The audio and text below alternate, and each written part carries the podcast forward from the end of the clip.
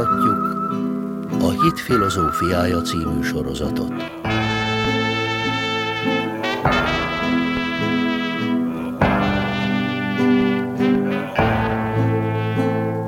Munkatársaink Kisdaróci Adrien, Szegedi Benyámin, Kammer Jonatán, Kassai Róbert, Szobota Zoltán.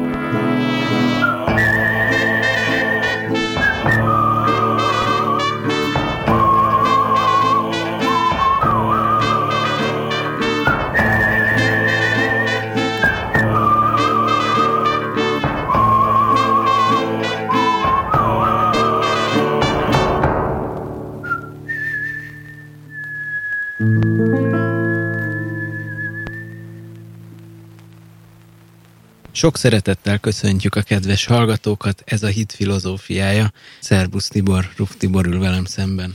Szervusz Máté, és most is szeretettel köszöntöm a kedves hallgatókat. Egy talán szokatlan kérdés jutott eszembe, amiről egyáltalán nem beszéltünk még, és ez az emberiség és Isten ellenségének, a sátán személyének a témája. Ugye nagyon érdekes, hogy vajon ő mennyire lát bele az emberek tevékenységébe, meddig terjed a hatásköre, és ez hasonló dolgok.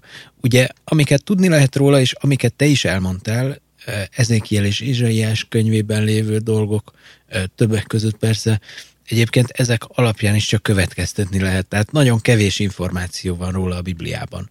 És ezért először azt szeretném megkérdezni, hogy te hiszel abban, hogy ezekben az igerészekben a sátáról van szó, és ez az ő történeteit leírva, vagy ez hogyan van? Mert ugye nem konkrétan a sátáról beszél, tehát a sorok között kell ilyenkor olvasni, és arra jut ilyenkor az ember valamiképpen, vagy mi alapján tudod biztosan azt mondani, hogy ezek a részek erről beszélnek? Hát jó kérdés. Valóban nem. Tehát nincs ott így ezen a nevén megnevezve ezeken a szöveghelyeken, ugye te az Ézsajás 14-re és az Ezékiel 28-ra gondolsz, hanem hát meglehetősen mély biblia kutatásra, sok-sok igének az összerakására, ilyen puzzle tevékenységre van szükség, de azért az egyértelműen kimondható, hogy néhány csak a sátára jellemző dolog van ott leírva, és ebből lehet arra következtetni, hogy ez nem szólhat máshol csak róla, de hogyha gondolod, akkor, akkor ne ennél a, ne ebből a szögből közelítsük meg először ezt a témát, hanem először a teljesen nyilvánvaló kijelentések felől érdemes közelíteni, és úgy lehet alapjaitól úgymond fölépíteni a sátán ö, hát személyével, ö, tulajdonságaival, lényegével ö, kapcsolatos látást, és akkor néha kizárásos alapon is kell haladni, tehát, hogy mi az, ami biztos, hogy nem lehet másképp. Például mondok egy példát. Jézus azt mondja, hogy a sátán kezdettől fogva hazug és embergyilkos. De mit jelent itt a kezdet szó? Hiszen ezt úgy is lehetne értelmezni, hogy annak van teremtve, tehát, hogy eleve hazugnak és embergyilkosnak van teremtve, eh, mert ez, hogy kezdettől fogva, ez akkor most mit jelentene? Igen ám, csak hogy mivel ott van az az ige is, amiről már régebben beszéltünk, hogy Isten világosság, és nincsen ő benne semmi sötétség, és nem származik tőle semmi más, csak tökéletes ajándék és jó adomány. Ebből viszont következik, hogy nem lehet gonosznak, nem lehetett gonosznak teremtve, ebből következik, tehát így mondom a kizárásos, uh-huh. tehát hogy bizonyos más igék alapján bizonyos alternatívák kizárhatók. Hozzáteszem, csak az új szövetség alapján, tehát az új szövetség alapján önmagában ezt nem tudod elvégezni, hanem csak az új szövetséget is figyelembe véve. Ez az oka annak, hogy a zsidóságban, a judaizmusban mai napig nem világos. Tehát a Talmudban hatalmas vita van róla, erről régebben szerintem már beszéltünk. Nekem a judaisztika tanárom, mikor megkérdeztük kiskorunkban, hogy ez az egész dolog, ez van-e, akkor ő nagyon szkeptikusan nyilatkozott. Tehát ő nem hisz a, nem hitt a pokolnak a létezésében, vagy bármihez hasonló. Hát mondjuk ehhez egyrészt hozzátartozik az is, az is, hogy te a Lauderbe jártál, ami azért egy, egy erősen az asszimilált és nem, nem vallásos zsidósághoz kötődő intézmény, és ezért a judaisztikát csak mint kultúrát, vagy kulturális dolgot. De ezt egy vallásos zsidó ember tanította nekem. Tehát... Hát akkor minden esetre ő sem gondolnám, hogy a, az ultraortodox vagy ortodox nem. réteghez tartozott, hanem egy ilyen modern felvilágos már most a szót idézőjelbe használva világnézetbe próbálja illeszteni, de egyébként a Talmudban hatalmas vége láthatatlan vita van arról a kérdésről, hogy a sátán Isten akaratából csinálja, amit csinál, tehát tulajdonképpen neki ez a funkciója, ez a teremtett funkciója, egy ilyen ellenzéknek van teremtve tulajdonképpen, vagy pedig nem ennek lett teremtve, hanem ő maga romlott meg és lázadt föl. Most ezt az új szövetség szövege nélkül nem lehet tisztázni ezt a kérdést, mert az Ószövetség ö, nem is ad erről kinyilatkoztatást sem. Hiszen az, hogy a sátán kicsoda, az tulajdonképpen csak azután derülhetett ki, miután Jézust már megölte. Mert éppen Jézus ö, halála volt a mennyben, a végső és döntő bizonyíték arra nézve, hogy a sátán nem jó indulatú lény, ezért mondja Jézus azt, hogy amikor, fölem, amikor őt fölemelik, akkor vettetik ki e világ fejedelme, illetve akkor ítéltetik el, e, mert itt pontosan arról van szó, hogy Isten és a sátán között egy kozmikus és több ezer éves per zajlik, egy jogi értelemben vett konfliktus, eh, amiben a sátán a maga minden brilliáns, intellektuális, szellemi és egyéb kvalitásával áll szemben Istennel, eh, és ezért Istennek egy komoly jogi procedúr, processzus, tehát egy, egy, egy egy előre haladó per a mennyei lények előtt bizonyítania kellett, vagy pontosabban ő bizonyítani szándékozott, hogy a sátán motiváltsága, motivumai gonoszok. És ezután történik meg ugye az ő kiközösítése a mennyei parlamentből, a mennyei tanácsból, és ezért egyedül az új szövetség az, aki kimondja azt az ítéletet, amit az Ószövetség még csak sejtett, vagy felvet, vagy lehetőségként, gyanúként, a sátánnal szembeni alapos gyanúként fogalmaz meg, ami nem bizonyítás még és utána majd ebből lehet levonni azt a következtetést, hogy mindenképpen történt egy bukása, mert nem ilyennek lett teremtve. Ezután ugye feltehető a kérdés, hogy ez mikor, mikor történt, tehát mire érti akkor Jézus azt, hogy kezdettől fogva, és akkor ö, újabb sok igének az igénybevételével, lehet ezt az időszakot, amikor az ő bukása megtörtént, behatárolni, mert a kezdet az a Bibliában, ugye a Biblia első szava bőrésít kezdetben, ez nem egy pontszerű kezdetet jelent, hanem ez egy időszakra vonatkozik. Kezdetben megteremtette Isten az egeket és a földet. Tehát ez egy, ez se pontszerű dolog volt, hanem ez egy ez, ez egy időszak volt, amikor Isten az egeket és a földet teremtette. Ezt az időszakot nevezzük kezdetnek, sőt, mivel a Biblia első könyve börés, tehát a neve is ez, hogy börésít, emiatt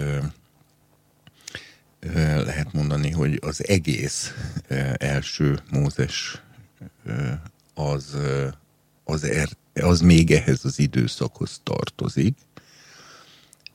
Például Jézus a vállásra is azt mondja, hogy ez kezdetben nem így volt, és a, ez a bizonyos kezdetben, ha megfigyeled, nem csak Ádámra vonatkozik, hanem Ábrahám, Izsák és Jákob sem váltak el, pedig ugye mindhármuknak lett volna erre okuk, mert ugye Sára meddő volt, Rebeka szintén 20 évig meddő volt, Jákobot pedig csalással házasították az első feleségével, mégsem erült föl senkiben a vállásnak a lehetősége.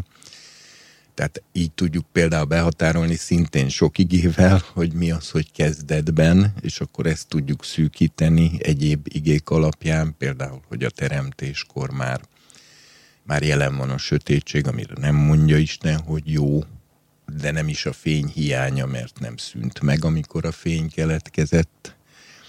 E, és akkor tehát ilyen módokon jutunk el végül is oda, hogy a sátán lázadásának az egy Mózes egy, egy időszakában, tehát a kezdetben teremtette Isten az eget és a földet, akkor kellett bekövetkeznie, és akkor ezután ö, ö, tudjuk már úgy olvasni a profétai szövegeket, hogyha a sátára vonatkoztatható igéket találunk, vagy akár csak a sátára vonatkoztatható és másra nem vonatkoztatható igéket találunk, akkor elkezdjük ezt a puzzle kirakni. De hát ezzel most nagyon elébe vágtunk még a témának. Tehát én inkább kezdeném azzal, hogyha nincs ellenedre, hogy ugye mindig ezzel érdemes kezdeni, hogy a sátára vonatkozó szavakat tisztázni, uh-huh. mert a Biblia Isten igéje, az Isten igéje az mindig pontosan fogalmaz, tökéletesen fogalmaz, mert ez, ez benne van, tehát tökéletesen a lényeget trafálja el, és ebben a pontos fogalmazásban a név az mindig a leglényegesebb, mert, mert abból fakadóan, hogy pontosan nevez meg dolgokat Isten, ezért ő mindig kimondja a dolgok lényegét a névben. És ezért mindig minden teológiai kutatást érdemes a rávonatkozó szó vagy szavak pontos elemzésével kezdeni, mert abban rögtön föltárul annak a valaminek, amiről épp szó van a, a leglényege, és akkor utána már ehhez lehet gyűjtögetni a, a további igéket, és összerakosgatni ezt a puzzle És hát nyilván önfegyelemmel és reflektáltan, tehát figyelve közben arra, hogy mi az, amit biztosan mondhatunk, és mi az, amit nem tudunk teljes biztonsággal mondani, de mondjuk nagy valószínűséggel tudjuk mondani és így tovább. Úgyhogy én, én azt javasolnám, hogy a, a rávonatkozó szavakkal. Hát abszolút, de én megnéztem egy-két előfordulást, és az az érdekes, hogy általánosságban is a, használja az ellenállásra ugyanezt a szót, tehát Bálám szamara is ellenállt a Bálámnak, ugyanaz a szó van ott, és ö, több helyen most nem mondom el nyilván, de hogy, de hogy érted, hogy, hogy innentől fogva viszont nem csak negatív értelemben szerepel ez a szó. Hát az igei alakja, amiről te beszélsz, az lehet, hogy nem csak negatív értelemben szerepel, de aztán a főnévi alak, uh-huh. az viszont emlékeim szerint már csak negatív értelemben szerepel, de majd ennek még utána nézhetünk, és kijavíthatott a gondod. Én nem emlékszem rá, hogy a főnévi alak, tehát a szatán, vagy a görög megfelelője a diabolosz, hogy az, hogy az másra is vonat, vagy hogy egyáltalán hogy pozitív értelemben, mert az igaz, hogy Jézus például, amikor azt mondja a tanítványoknak, hogy hogy vagy nem 12-töket hívtalak el, de egyikőtök diabolosz, ott a diaboloszt használja, egy emberre használja, Judásra, aminek ugye a görög. De hát szerintem kezdjük, a, a, kezdjük el a szavakkal. Persze. De akkor ennek végül is valami olyasmi az üzenete, hogy, aki, aki, hogy az ellenállás végzése adott esetben az életnek egy, egy velejárója, de aki úgymond főnévé válik, tehát lényegévé válik, az már egy negatív dolog lesz. Érteni kell a nyelveknek a működéséhez. Tehát az, hogy egy nyelv egy fogalmat hogyan ragad meg, egyáltalán fogalmat ragad-e meg, vagy például képzetet, ami ezek nem ugyanazok, hm. és ugye a nyelvnek vannak bizonyos belső működései, én mindig azt a példát szoktam hozni, úgyhogy most százezer egyszer is akkor hozom, mert most nincs e, időm újat kitalálni, hogy, hogy a magyarban a tönkre megy, hogy tönkre ment az autóm, e, az, azt nem tudod levezetni a szónak az eredeti elemeinek a jelentéséből, e, mert ez már idiomatikussá, kifejezésszerűvé vált, és az eredet, a szavak alapjelentése, tehát a tönk és a megy e, e, alapjelentése, a tönkrement kifejezésben már úgy mondják, hogy elhomályosult. És helyette egy új jelentést vett föl, ezért, ha én szó szerint lefordítom angolra, hogy az autóm tönkrement, tehát úgy fordítom angolra, hogy ráment egy tönkre az autóm, akkor ezt minden angol félre fogja érteni, mert az ő nyelvében ez az idiomatikus kifejezésszerű izé, ez nem állt elő, az angol másképp fejezi ezt ki. Ugye nyilván régen a magyarok ugye alapvetően az emberek faeszközökkel dolgoztak, fabútorok voltak faeszközök, és ha valami úgy elromlott, hogy nem lehet megjavítani, azt kidobták a tüzelőnek.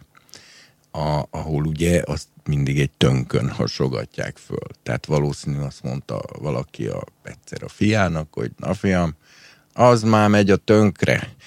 Ö, ö, ö, amit ő akkor talán még viccesnek is tartott. Ö, és akkor így ez megtetszett másoknak is, és akkor ezt használták, és kialakult az, hogy a tönkre menés az azt jelenti, hogy kiavíthatatlanul elromlik. De mire a mai nyelvünkben ebből lett egy fogalom, a tönkre megy, addigra elhomályosult benne a fatönk képzete is, meg a fatönkre való rámenés képzete is, és ma már, ha most jönne egy, egy teológus aki most egy ilyen egzegétikai elemzést csinálna, és, és ott levezetné, hogy a magyarban a tönkre megy, az valójában azt jelenti, hogy rámegy a fa tönkre, akkor minden magyar röhögne egy nagyot, és ekképp röhögne számos ö, ószövetségi zsidó, vagy új szövetség korabeli görög, azokon az etimologizáló ö, egzegéziseken, tehát a szó, az etimológia azt jelenti, hogy a szó jelent a szó eredetét. Tehát, hogy a szó eredetéből indulunk ki, és ezért sikerül például sok egzegétikai elemzés, vagy dolgozat, vagy prédikáció rosszul, mert ugye ha valaki nem beszéli azt a nyelvet, nem tudja igazából azt a nyelvet. Akkor ilyeneket egyáltalán nem vesz figyelembe. Akkor i- ilyenek ö, ö, kavarodnak be, és, és nagy nevetséget okozna azoknak, a, azoknak az anyanyelvi hallgatóknak, akik ezt az egzegézist végighallgatnák. Egyébként itt is szeretném elmondani azt, amit mindig a Szent Pál Akadémián elmondok, hogy az vala, hogy valaki megtanul héberül olvasni, meg írni, és utána fogja ezeket a szótárakat, meg online szótárakat, meg ilyeneket, és akkor ezzel utána neki ugrik, és utána úgy érzi, hogy megvan a bölcsek köve, és ő most már mindent. Ez azért nem igaz, és ez azért nem jó, mert mert ez kevés ahhoz, hogy, tehát ahhoz, hogy az ember egy szónak a jelentését megértse, ahhoz azt is éreznie kell, hogy azt a szót abban a nyelvben hogyan lehet használni, és hogyan nem lehet használni. Ehhez pedig valamennyire magát a nyelvet is bírnia kell. Tehát ez nem elegendő írni, olvasni, és a szótárban meg tud megtalálni az illető szót hanem itt mindig minden szövegkörnyezetnek a figyelembevételére is szükség van, mert egy szónak a jelentését nagyon gyakran a kontextus, tehát a szöveg összefüggése teszi csak világossá.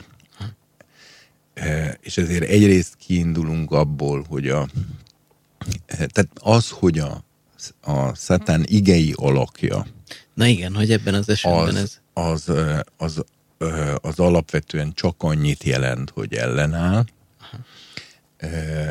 Ez hasonlít kicsit ez a tönkre megy dologhoz, mert viszont a főnévi alakja, tehát a, aki ezt csinálja, a szátán, hogy az mit csinál, valójában az már ebből az igei alakból ne- nem vezethető le, Eh, mert ennek a főnévnek miután már főnévként is használják, már önálló élete van. A ruach szót is használják igeként is, és igeként azt jelenti, hogy szagol. Most hát te, te soha nem fogod levezetni például a szellem szónak a a jelentését önmagában abból, hogy Hogy az szagol. igei alak azt jelenti, hogy szagol. Óriási kijelentés van benne, ha már tudod, hogy a főnévi alak az szellemet is jelent, meg szelet is, meg lélegzetet is,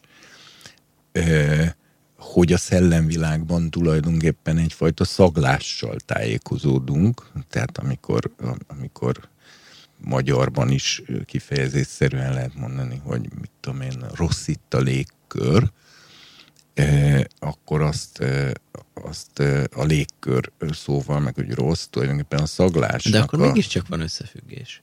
Van mert, mert egyébként a persze, sátán is hát- ellenáll, úgymond Istennek. Tehát, tehát maga az ellenállás Hát az az része. jó, a- csak erre mondta Bence György filozófus azt, hogy minden mindennel összefügg, nem de, mindegy, nem hogy minden, de nem minden ugyanannyira. Tehát én nem mondom, hogy nem függ össze, de a, a szátán szó a Héberben főnévként, de, de még köznévként, tehát nem tulajdonnévként, hanem főnévként. A szátán szó a főnévként, de most még csak köznévként, nem tulajdonnévként, tehát, és hogy a nyelvtamból nem jól érettségizőknek segítsünk, ez ugye azt jelenti, hogy a- köznév az még kisbetűvel irandó, és sok mindenre használható. Tehát itt, itt három lépés van. Van egy igei alapgyök, mármint, hogy ige, ez a bizonyos ellenáll, a legtágabb értelemben.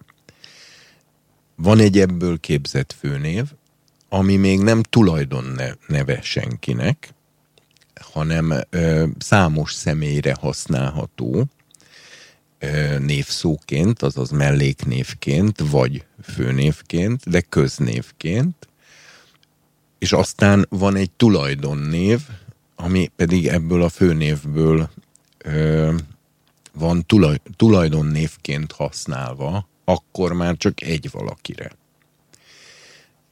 Na most a, ha azt nézzük, hogy a, hogy a, a főnévi alak, de most már lehet, hogy ki fogják kapcsolni ezt a podcastet, hogyha tovább nyelvtanozunk. Nekem már máshol járnak a gondolataim, de nyugodtan folytasd.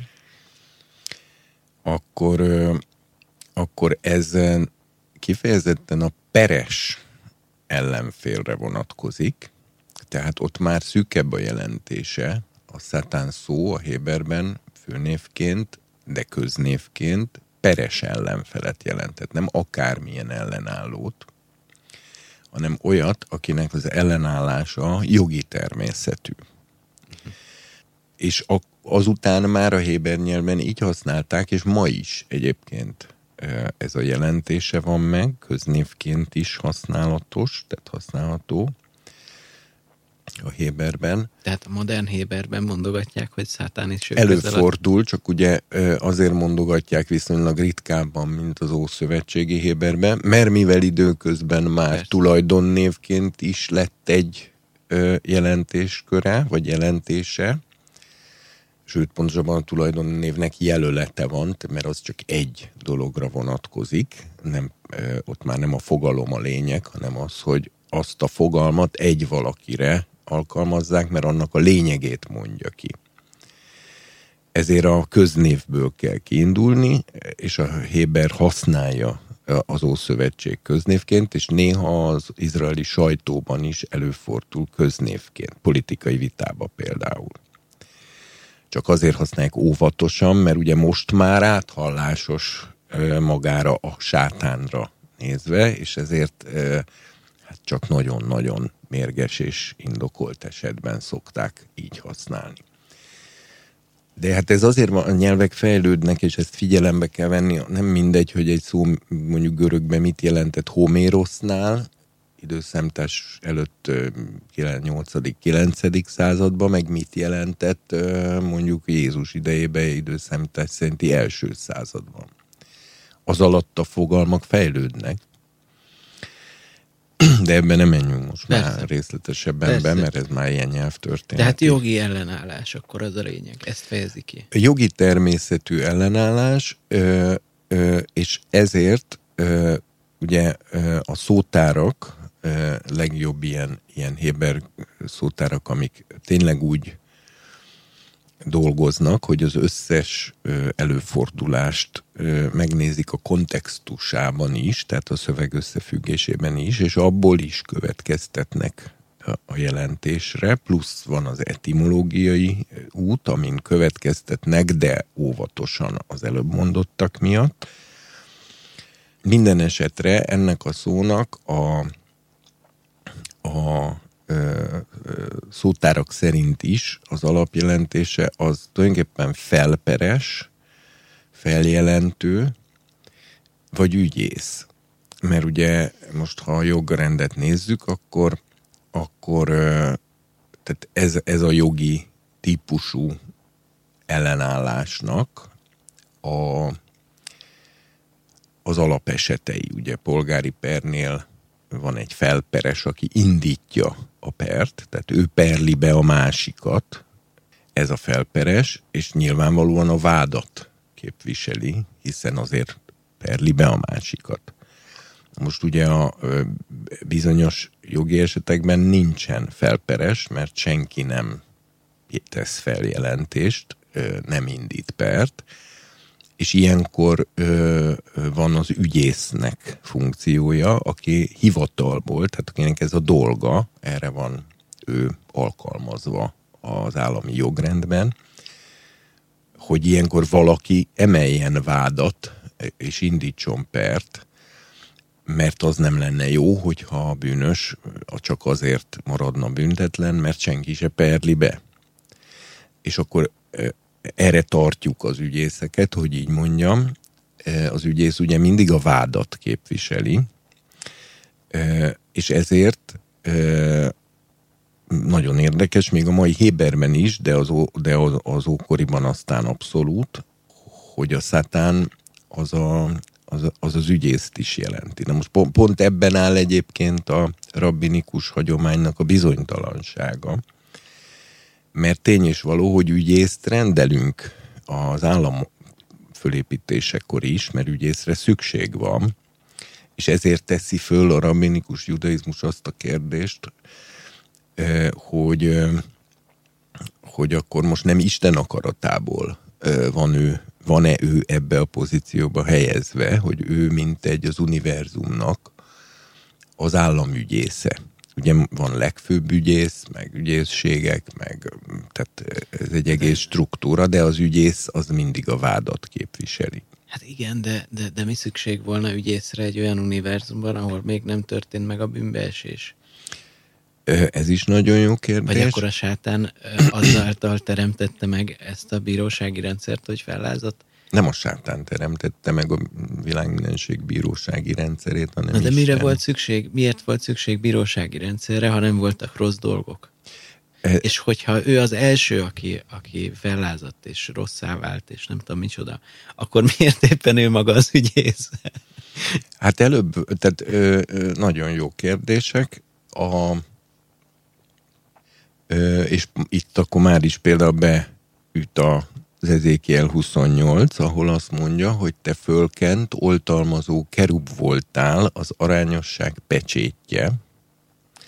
Tehát már ez kimondja azt a tényt, hogy a világmindenség harmóniájának, rendjének, rendezettségének a fenntartása sára volt egy kerub, azaz a legmagasabb szintű Isten után rögtön következő legmagasabb szintű angyali rendnek, aminek nincs túl sok tagja, mert ugye összesen négy kerubról tudunk, ami azt jelenti, hogy ha ezek közül már a bukott kerub ki van zárva, akkor összesen öt kerub lehetett teremtve, ugye ez a szolgálti ajándékok száma is. Tehát pont arról van szó tulajdonképpen, hogy Isten teremtett egy nagyon magas szintű lényt. Ugye azt mondja, hogy teljes voltál bölcsességben és szépségben, tehát, tehát egy ehhez a funkcióhoz minden ajándékkal fölszerelt lényt, akinek a dolga az volt, hogy a világmindenség rendezettségét tartsa fönn. Annak volt ő a biztosítéka, vagy a, a pecsétje, tehát a, az őre, a, a, ez volt a funkciója, és természetesen mindaddig, ameddig nincs bűn, addig ez a lény nem lép föl negatív erővel, tehát mert nincs ki ellen vádat emelni, hogy így mondjam. De mi helyt bűn történik, akkor az ő funkciója az, hogy ezt peres úton, tehát jogi, azaz, azaz rendezett, tehát, be, tehát hogy mondjam, jogi értelemben korrekt, ez a megfelelő szó, módon ezt a dolgot levezényelje. Na most, amikor a Biblia először kezdi használni erre a lényre a szatán szót, ez ugye a Jobb könyvének az első fejezete, akkor ott jól látható is, hogy ő megjelenik az Isten parlamentjében, tanácsában, és ott vádat emel Jobb ellen, és Isten ö, teret ad a az emelt vádnak, mert nem azt mondja, hogy hallgass el, hogy mersz ilyet mondani, hát most mondtam az előbb, hogy tökéletes, igaz ember, Isten félő bűngyűlölő, milyen alapon vonott te kétségbe az én szavaimat, hallgass el, meg, meg ki vagy rúgva. Tehát ugye lehetett volna Istennek ez a reakciója, és akkor a jobbnak a sorsa sokkal könnyebb lett volna. De nem ez történik, hanem az, hogy Isten kiadja vizsgálatra jobbot ami jobbra nézve óriási próbatételekkel kezd járni. Ugye ezért az egyik szintén egy neve a Bibliában a sátánnak, amit a, ugye a görög alap, tehát mindegy, most nem is részletezem, de végül is úgy fordít a magyar, hogy kísértő, de ugye ennek meg a Héberben az az alapjelentése, hogy próbára tevő. Tehát nem felt, ez sem feltétlenül negatív ö, kifejezés lenne önmagában, hogyha csak a szót nézzük, hanem megkezdődik a sátán ügyészi tevékenysége. Még Jézus is azt mondja a Péternek pár órával a megváltás előtt, hogy Simon, Simon, a sátán kikért titeket, hogy megrostáljon, mint a búzát, de én imádkoztam érted, hogy ne fogjon el a hited. Nem azt mondja neki, hogy de én megkötöztem, és ezért aztán esélye sincs, hanem megmondja világosan a Péternek, hogy te most el fogsz esni, emiatt a dolog miatt, mert hát ugye Jézus is látta, hogy az az erőtlenség, öncsalás, ami a Péterben tényleg megvolt, arra adta be a sátán a kikérési igényét. És Jézus nem mondja azt, hogy ez egy jogtalan igény, és ezért én ezt most megsemmisítem, és ne aggódj Péter, nem lesz semmi baj. Mert ezt csak akkor mondhatná, hogyha már kiderült volna, hogy a Péterben ez a probléma nem létezik. De hát létezett. De ez nem azt jelenti, tehát csak azt a két példát mondom, mert aztán ráadásul ugye Isten a jobb esetében, amikor vissza az egész még egyszer megismétlődik a jobb ugye első fejezetében, hogy hogy jobb végül is az első csapás sorozat után nem vétkezik. Erre megint udvari tanács van a mennyben, tehát a, király és parlamentje ülésezik. Isten hivatkozik arra, hogy na ugye, hogy megmondtam, hogy ez egy igaz és bűngyűlölő ember, istenfélő és nem védkezett, amikor, és nagyon megdöbbentő, hogy Isten úgy fogalmaz, hogy pedig ok nélkül, én pedig ellene ingereltél, hogy ok nélkül roncsam meg őt. Azért megdöbbentő, mert tulajdonképpen Isten már a könyv legelején elismeri azt, amivel később a jobb Istenre panaszkodik, hogy ok nélkül történt velem ez a dolog, hogy én erre nem szolgáltam rá. E, Isten már a legelején elismeri a mennyei parlamentben, hogy ennek ő teret adott, e, és ezután a sátán még egyszer betámadja Jobbot, ugye mind a kétszer a motivációit támadja meg, ez nagyon lényeges, tehát a motivációiról állítja azt, hogy hogy oké, okay, oké, okay, becsületes, igaz életet él, de csak azért, mert érdekből. Igen, ez nagyon jellemző. Uh, ezt, ezt szerintem mindenki tapasztalja. Hát igen, uh, de és amikor ugye másodszor is vádat emel, másodszor is kiadja Isten Jóbot, most még mielőtt bárki megijedne itt a hallgatók közül, azért azt szeretném elmondani, hogy ez az ószövetségi állapot, ami még Péterre is vonatkozott, hiszen a megváltás pillanatáig, és itt sőt a egész pontosan a feltámadásig az Ószövetség van érvényben. Hát akkor Pétert nem ez a, nem ez a, ez a próbatétel javította meg, hanem a megváltás. Hát itt sajnos tényleg bizonyos dialektikus gondolkozásra van szükség, mert viszont enélkül meg még, mégse, tehát nem ismerte volna meg önmagát a Péter. De az biz, inkább én úgy fogalmaznám meg, hogy csak, ha csak ez történt volna, akkor Péter elveszett volna és elkárhozott volna. De viszont Jézus azt, mivel imádkozott érte, hogy ne fogjon el a hite, te azért majd idővel megtérvén testvéreidet erősítsed.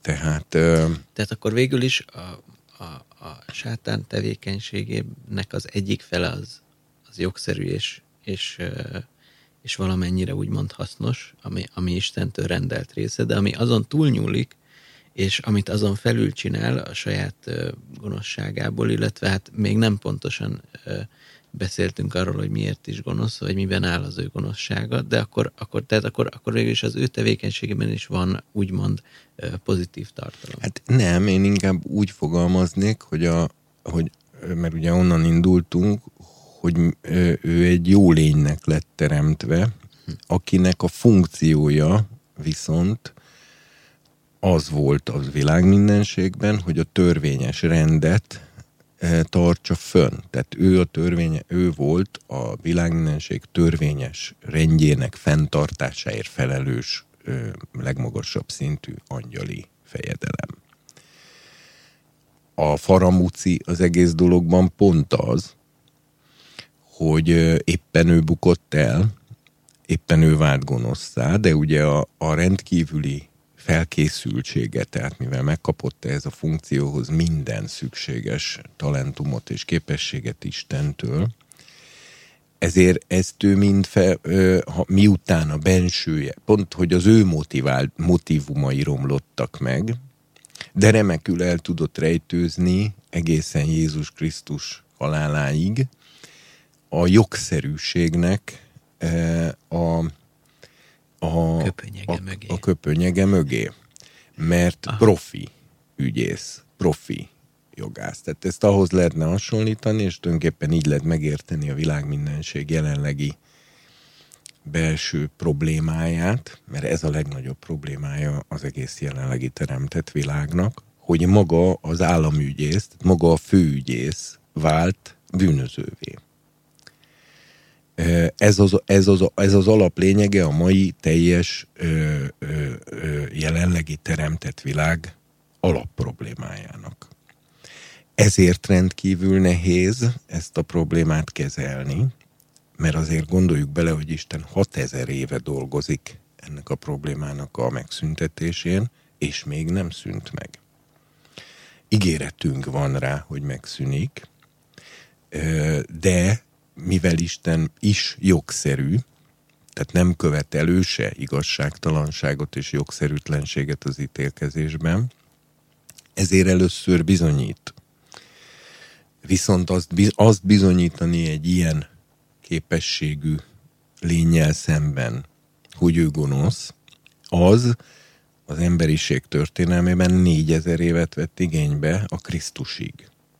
A Krisztus ö, halálával lepleződött le az a tény, hogy a sátán szíve, motiváltságai, azok rosszak, és ez, ekkor mondták ki fölötte az ítéletet, és ekkor közösítették ki őt a mennyei parlamentből. Egész pontosan a görög ezt a szót használja, ekbáló exó, kívülre kidob, így kétszer szerepel benne az ex, ekbáló exó. Ezt kifejezetten arra használja az új szövetségi görög, emberi vonatkozásokban is, amikor valakit kiközösítenek. Ennek megvolt egyébként a zsidóságban a maga eljárásmódja.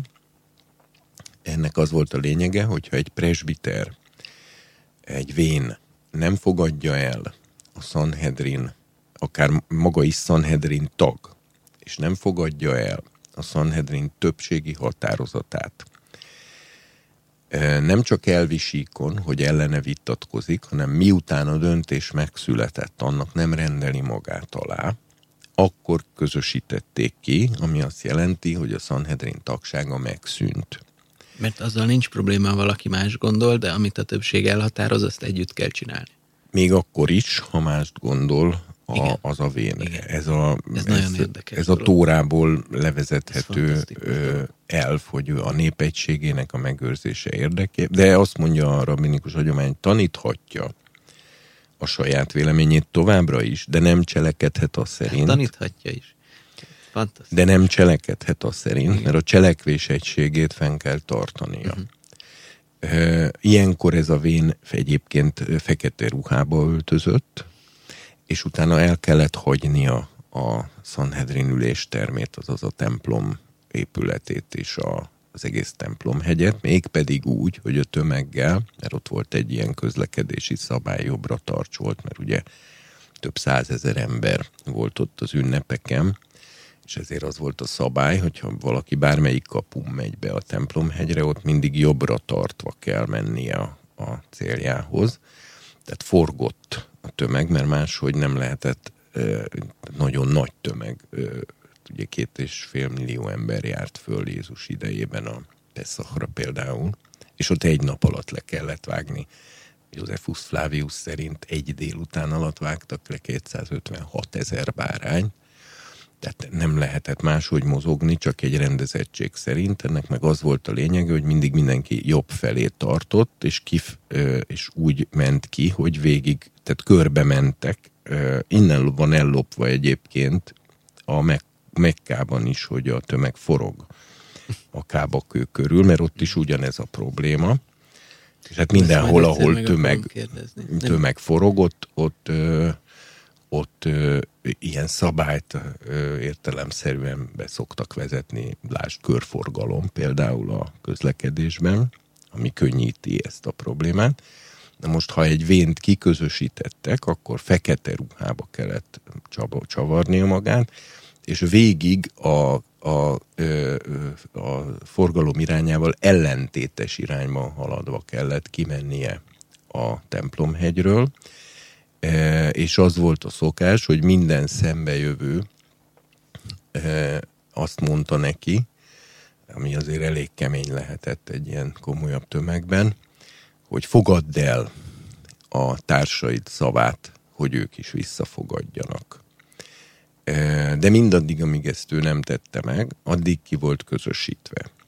Most, amit Jézus itt használ kifejezést, hogy amikor őt fölemelik, most van e világ elítélése most vettetik ki, most közösítik ki e világ fejedelmét, itt is látszik, hogy e világ fejedelme, a kozmosz szó szerepel, tehát ez egy, ezért mondom, hogy az egész univerzumra kihat ez a probléma, még az anyagi univerzumra is, ezért van rothadandóság, hiába valóság, körforgás, romlás-bomlás az egész anyagi univerzumban, ez a sátán lázadása miatt állt elő ez a helyzet.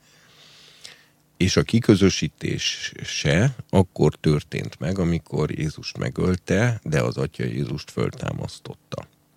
Mert ott vált nyilvánvalóvá, hogy nem az igazság szeretetéből bünteti a bűnt a sátán, hanem ez időközben ő benne eltorzult, és bár továbbra is jogilag igyekszik nagyon pedáns módon eljárni, de ez már az ő esetében csak egy látszat magatartás, mert közben a saját motivációja az már rossz, pusztító és Isten ellenes. Tehát tulajdonképpen ez az ügyész másra sem törekszik, mint hogy mindenkiről bebizonyítsa valahogy, hogy bűnös. Akkor ez a lényege az egésznek? Hát így is lehet fogalmazni. De, ez, ez, de, de, de, de miért? E, és nem csak, hogy bebizonyítsa, hogy bűnös, hanem, hogy a büntetést is feltétlenül nyerje el az, aki bűnös. Csak ugye ez ez rendben lenne, hogyha ő ezt továbbra is a világ mindenség harmóniájának a fenntartása érdekében tenné. De itt valójában már egy pucsról van szó, ahol ő a jogi eszközök használatával igyekszik magát Istent megpucsolni. Ugye nagyon megdöbbentő a jobb könyvének az elején, hogy Isten kimond egy mondatot, és azzal a sátán szembe helyezkedik, nyíltan, nyíltan kétségbe vonja Isten mondatának az igazságát, és mégis Isten ö, ö, felhatalmazza őt az eljárás lefolytatására, ami ugye mutatja, hogy a mennyben óriási jogszerűség uralkodik, ö, és ezt Isten alkotta így, hogy még ő is számon kérhető. Tehát itt látszik, hogy Isten mennyire nem diktátor. Hogy, mert itt a támadás nem csak Jobb ellen irányult, hanem irányult maga Isten ellen is, aki Jobbról előtte azt mondta, hogy igaz ember. Na most ugye, mivel Isten egyedülő a szívek vizsgálója, ezért, hogy a, egy embernek a szívbeli motivációi mi, mik, azt még az angyalok sem tudják, azt egyedül Isten tudja, és ezért, mivel a sátán a szívbeli motivációt kérdőjelezte meg, mert cselekedetet nem talált, amit megkérdőjelezhetett volna, az, a jobb szívbeli motivációját kérdőjelezte meg, hogy, hogy csak azért cselekszik igaz módon, mert a saját érdekei így kívánják, nem pedig az Isten iránti szeretetből, a motiváció lett vád alá helyezve, ezért ha Isten azt mondja, hogy csönd legyen, sátán, fog be a szádat, ö, hát amit én mondok, az mindig igaz, egyedül én ismerem a szíveket, ö, ö, tehát ha azt mondom, hogy jobb igaz, akkor igaz. Kus legyen. Akkor, akkor ez az összes angyali rendekben is megrendült volna a bizalom, az Isten jogszerűsége irányába, és ezért Isten önmagát mélységesen megalázva ebben a helyzetben, mert ez, ez olyan, mint amikor egy államfő ellen az államügyész ö, ö, vádat terjeszt be, és az államfő alárendeli magát a vizsgálatnak. A jogszerű, az ország jogszerű rendjének a fenntartása érdekében. És akkor a, és ráadásul ezt, miután az első lépésben már Istennek lett igaza, a sátán még egyszer elindítja, és Isten még egyszer teret ad neki. Amit nagyon, tehát az egész jobb könyvét nem lehet másképp megérteni, csak azt, hogyha az ember ezen az alapszituáción elgondolkozik. És hát Isten nyilvánvalóan már akkor is tudta, sőt, nyilvánvalóan már sokkal korábban is tudta azt, hogy hogy a sátán szívének a motivációi megromlottak, hiszen ő az ő szívét is ismerte, de ezt mivel Istenen kívül senki sem tudta, az angyali rendek között, ezért az angyali rendek e, békéjének a fenntartása érdekében Isten e, kiszolgáltatta Jobbot a sátánnak, meg később a Krisztust, meg előtte egy pár órával Pétert, mert, mert az Isten uralma az igazságosság és jogszerűség.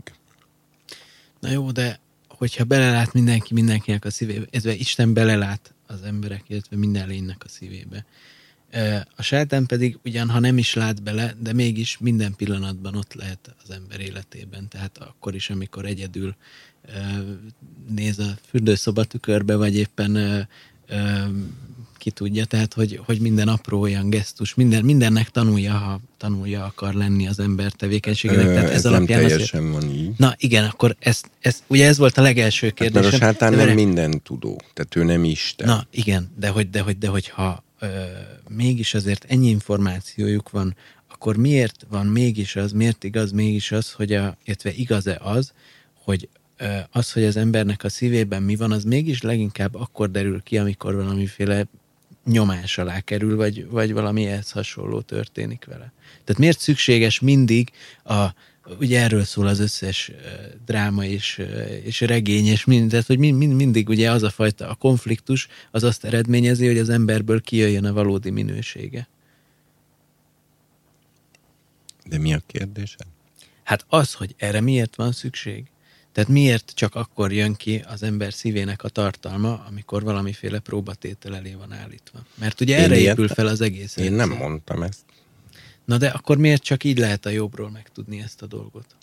Hát azért, mert a világ mindenségben a diszharmónia pont a sátán ö, jogszerűség színe alatt ö, gyakorolt ö, bomlasztó tevékenysége révén már az egész helyzet ilyen rendkívül bonyolult lett. De akkor tényleg kezdjük az elején. Tehát akkor én ezt javasolnám akkor, mert erről a Biblia lépésről lépésre építi föl ezt a látást. Tehát először is a, még egyszer akkor tisztázzuk magának a szónak a jelentését akkor rögzítsük most le már.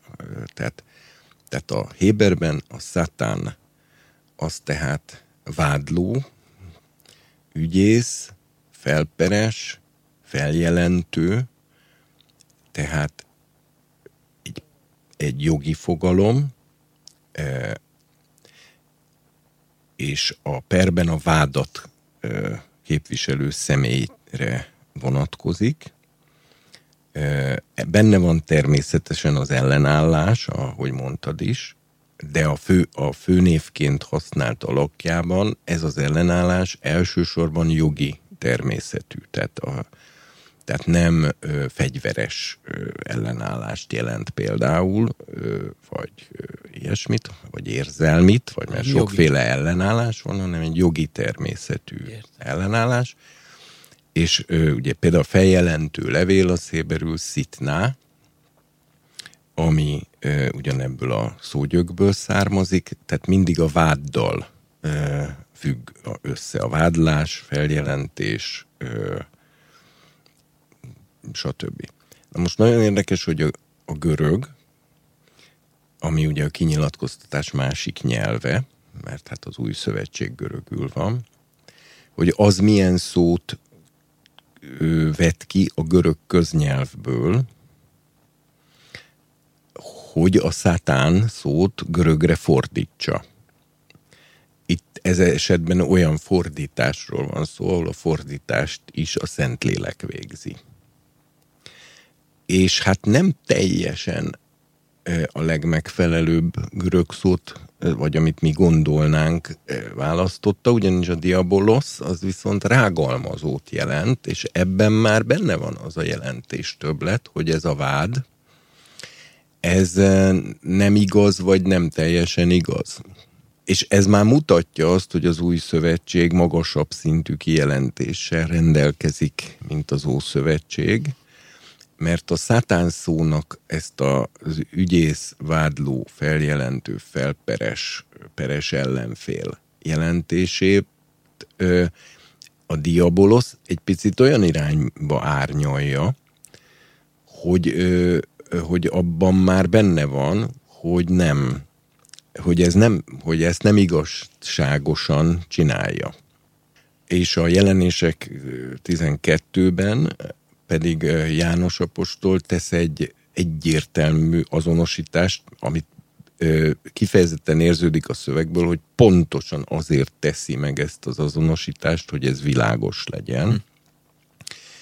hogy a, amikor a sárkányról azt mondja, erről a hétfejű ö, ö, ö, tengeri kígyóról, akit az égből Mihály Arkangyal ledob a földre, és akkor itt aztán pukollá teszi az utolsó napokat, hogy ez ama régi kígyó, az az ősi kígyó, a szatán és a diabolosz ugye a Károli úgy fordítja, hogy ez a ma régi kígyó, aki neveztetik sátánnak és ördögnek, csak ugye itt nem jön ki a magyarban, hogy itt, ami a görögben van, hogy a két nevét, a szátán, tehát az ószövetségi nevet, és a diaboloszt, az új szövetségi nevet azonosítja, értem, és mindkettőt azonosítja a ma ősi kígyóval. És innen tudjuk, hogy a történet az édenkertben kezdődik, és ama bizonyos ősi kígyó. Hogy az az ősi kígyó? Hát persze, ez Igen. egyértelműen arra utal. És akkor most csak a, a, a szátán, az akkor a, a amit mondtál, az azt jelenti, hogy ez a, ez a jogi ellenálló személy, és a diabolosz az mit jelent? A diabolosz az ógörökben rágalmazót jelent. Az a rágalmazó. Eh, aminek, eh, eh, ami ugye a rágalom is egy vád, csak a rágalomnál jelzi a szó, hogy ez a vád, ez nem igaz. Valamilyen szempontból, vagy valamilyen okból, vagy valamilyen elemében, vagy egészébe, vagy részbe, de nem igaz. Ezért mondom, hogy ez már az új szövetségi kinyilatkoztatás, mert hiszen az új szövetség már akkor íródik, amikor a Krisztus halála és föltámadása miatt a mennyei parlament már megállapította szátán bűnösségét. Tehát azt, hogy ő egy ö, ö, korrupt államügyésze az univerzumnak. És már ki, kizárták a mennyei parlamentből. És ezért az új szövetség szerzői már ennek a kinyilatkoztatásnak a birtokában vannak a Szent Szellem által, és ezért tekintik a legjobb szónak a szatán görögre fordításához a diaboloszt, amiben azért benne van az a jelentés többlet, hogy na de erről a figuráról kiderült már, hogy a vágyai nem az igazságon alapulnak. Vagy csak részben alapulnak az igazságon, mert mondjuk a Péternél is lehet mondani, meg a ö, Hát a jobbnál nem lehet mondani, mert ott ugye végén egyértelműen kiderült, hogy, hogy a szív motivációit hamisan vádolta meg. A Péternél viszont tényleg ott van az, hogy ő neki tényleg benne volt a személyiségében ez a gyenge pont, tehát ez a, a hogy túl, túl erősnek képzelte magát, mert ugye ő azt mondta, hogy, hogy ő semmiképpen nem fogja Jézust megtagadni, még ha ezek mind megtagadnak, mondja a többi testvéreiről. Én akkor se foglak megtagadni. Na most ebből már önmagában látszik, ha valaki ugye jobbnak tartja magát a, a testvéreinél, tehát úgy érzi, hogy amit, amiben ja, azok mind elesnének, én nem. akkor Aha, ő akkor is megáll, és de ezt a Péter őszintén mondta, mert ő így is gondolkodott magáról, csak ez nem volt valós, mert ő biztos arra gondolt, hogy majd száz darab fegyveres katona ö, izé, puskacsövet szögez a homlokának, és akkor ő hősiesen közli, hogy én már pedig én Jézus Krisztus tanítványa vagyok, majd főbelövik és hősies mártírhalált hal, de arra nem számított, hogy egy kis rabszolgalányka fogja neki föltenni a kérdést, és ez védtelenül érte.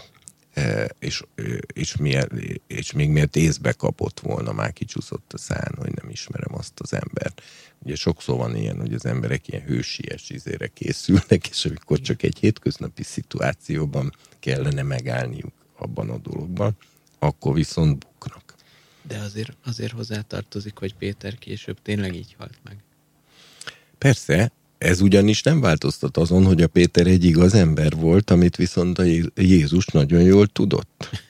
Mert attól, hogy valakinek a személyiségében van egy, az önismeretnek egy hiánya, vagy egy, vagy egy, egy gyenge pont, amit, amit ő még nem ismer magában, és ezért nincs rá fölkészülve, stb. stb az nem fosztja meg az embert az igaz voltától, már csak azért sem, mert a tudatlanságból elkövetett bűn, tehát amikor egy, egy rossz helyzet felmérés miatt nem teljes szándékossággal csinál valaki valamit, hanem itt a tudatlansága Péternek saját magára irányult, hogy mást gondolt magáról, mint amilyen volt, és ezen a ponton támadta be őt a sátán. De ez nem változtat azon, hogy Jézus elejétől végéig végig tudta, hogy végül ebből nem lesz gond, sőt, haszon lesz belőle, mert a Péter meg fogja magát ismerni, ezáltal ő lesz a 12 közül a legolázatosabb, és ezáltal alkalmassá válik a 12 apostol vezetésére. Hm. És ez a, ezt később ez látszik is az ő későbbi egész történetében. Na most ö, azért érdemes visszamenni az édenkerti történethez, mert ugye ez, ez egy másik elve a, a teológiának, hogy, hogy ez az úgynevezett első előfordulás törvénye, hogy ahol a Biblia először beszél valamiről, ott arról rögtön ad egy mag kinyilatkoztatást, tehát egy ilyen, tehát rögtön a lényegbe ad egy ilyen villanásszerű betekintést, és később mindaz, ami aztán még hol előkerül az a szereplő, vagy ilyesmi, akkor az már erre a magelemre építkezik, ezt árnyalja, ezt ö, pontosítja, részletezi, ö, stb. És hát ezért ugye, hogyha Szátán, azaz diabolosz, tehát a vádló, azaz rágalmazó személyiségéről, lényegéről további dolgot akarunk megtudni, akkor a, a név elemzése után az első eseménynek az elemzése a legérdekesebb, és az tulajdonképpen már teljes eligazítást ad, de persze szükség van arra, hogy később a Biblia ezt tovább részletezi, árnyalja, főleg egy ilyen, egy ilyen különös jelenségnél, mint ez. Úgyhogy, úgyhogy én ezt javaslom, illetve a diaboloszról még nyelvileg érdemes annyit mondani, amit azért általában szoktak tudni a keresztények, hogy a görögben a ö, szóból származik, ami ige. A dia az szét, mint igekötő. A bálló az dob, tehát, hogy szétdob, ez az alapjelentése, vagyis a diabolos a szétdobó, és ugye a bálló az, az a görögben mind, mindig egy ilyen erőből történő valami, taszítás tulajdonképpen, és a görög nyelv itt etimológiailag azt ragadja meg, hogy a, ennek a tevékenységnek a lényege az a kapcsolatok szétszakítása. Ez az alap, tehát a, a, az etimológiai oldalról ez az alapjelentés. Most nyilván egy görög, amikor azt mondták, hogy diabolosz, akkor az neki olyan volt, mint nekünk a tönkre megy, hogy ő nem minden esetben jelent meg előtte az a képzet, hogy valaki két dolgot egymástól elszakít, és elkülönít, és szétdob, mert ez a jelentése már elhomályosult, és ezért a köznyelvben a jelentése egyszerűen rágalmazó. Aha. De a rágalmazás lényegét viszont abban fogja meg a görög nyelv, az etimológiában tetten érhető módon, hogy a kapcsolatokat szétszakítja. Ez a lényege a rágalmazásnak. Úgyhogy ez még nagyon fontos, mert akkor most még mielőtt az édenkerti történethez térünk, előtte érdemes akkor ezt tényleg rögzíteni. Tehát a szatán jelentése peres ellenfél, felperes, vádló, ügyész, ö, jogi ellenálló. Igen, aki a vádat, tehát aki a perben a vádat képviseli. Igen.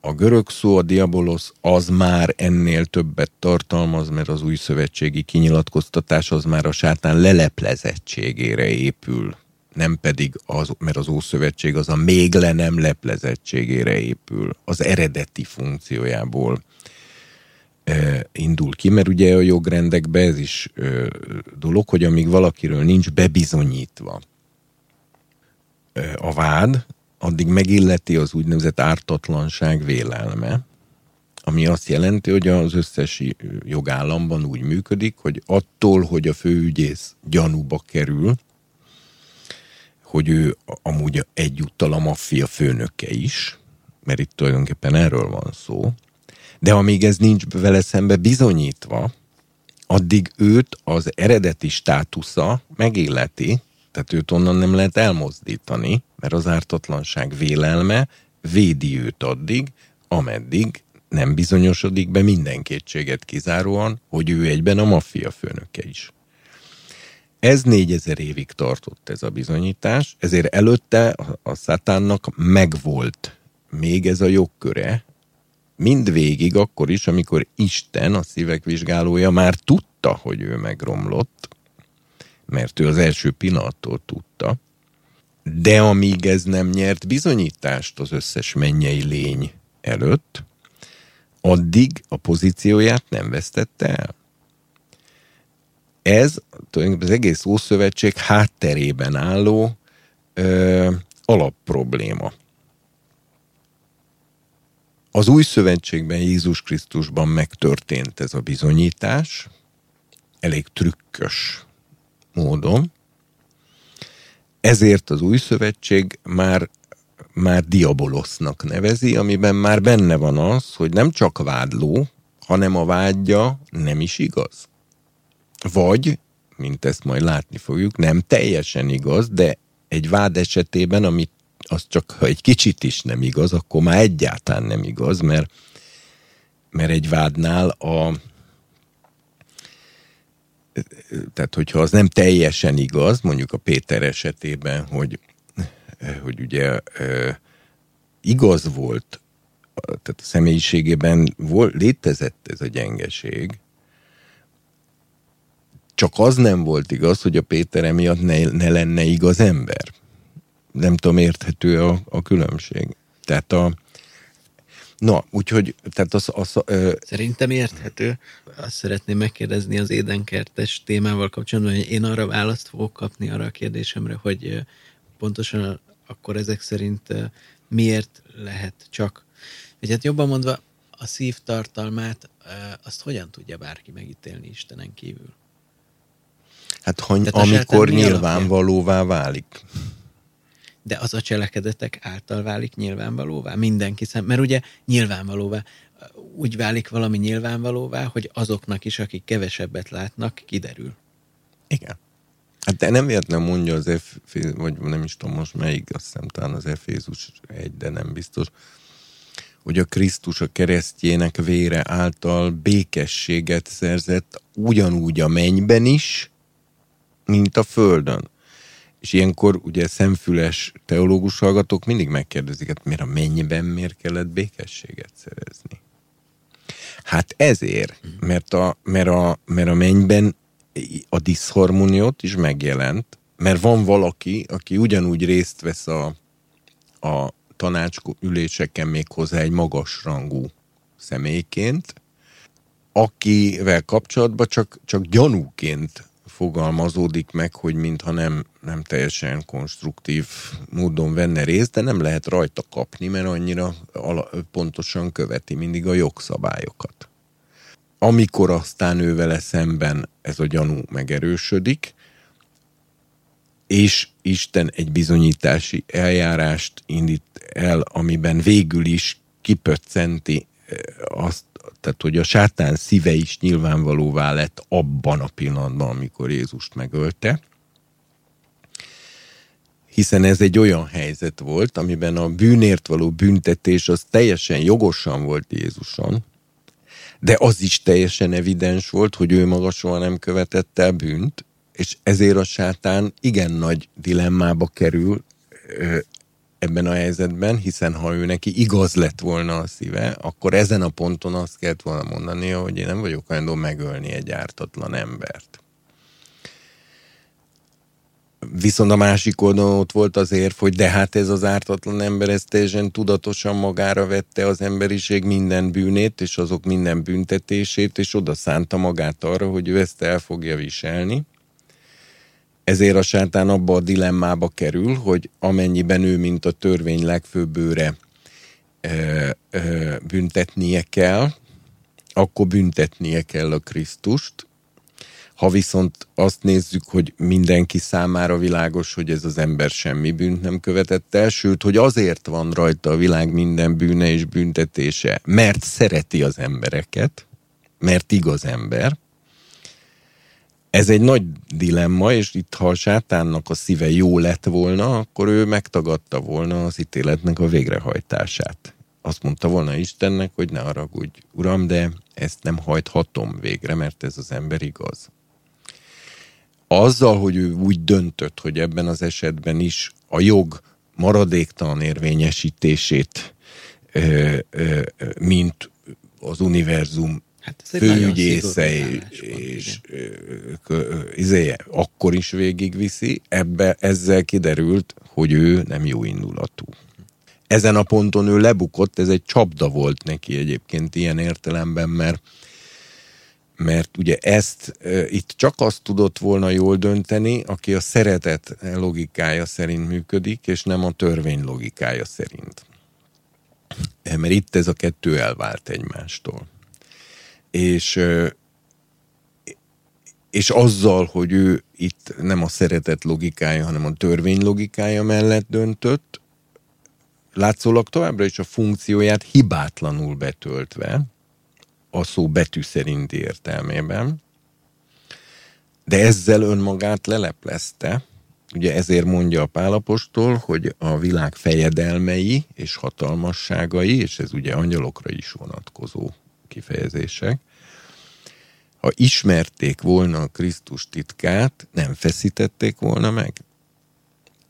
Mert, és ugye itt maradt le a sátán egy lépéssel Istentől, mert mire rájött arra, hogy ezzel a saját ítéletét írta alá, addigra a dolog már megtörtént, ezzel a mennyei lények előtt világossá vált, hogy a sátán rossz indulatú, és meg is hozták haladéktalan határozatot, hogy ki van zárva, és, elve, és elveszítette a kozmikus államügyész funkcióját. Tehát elveszítette a hivatalát.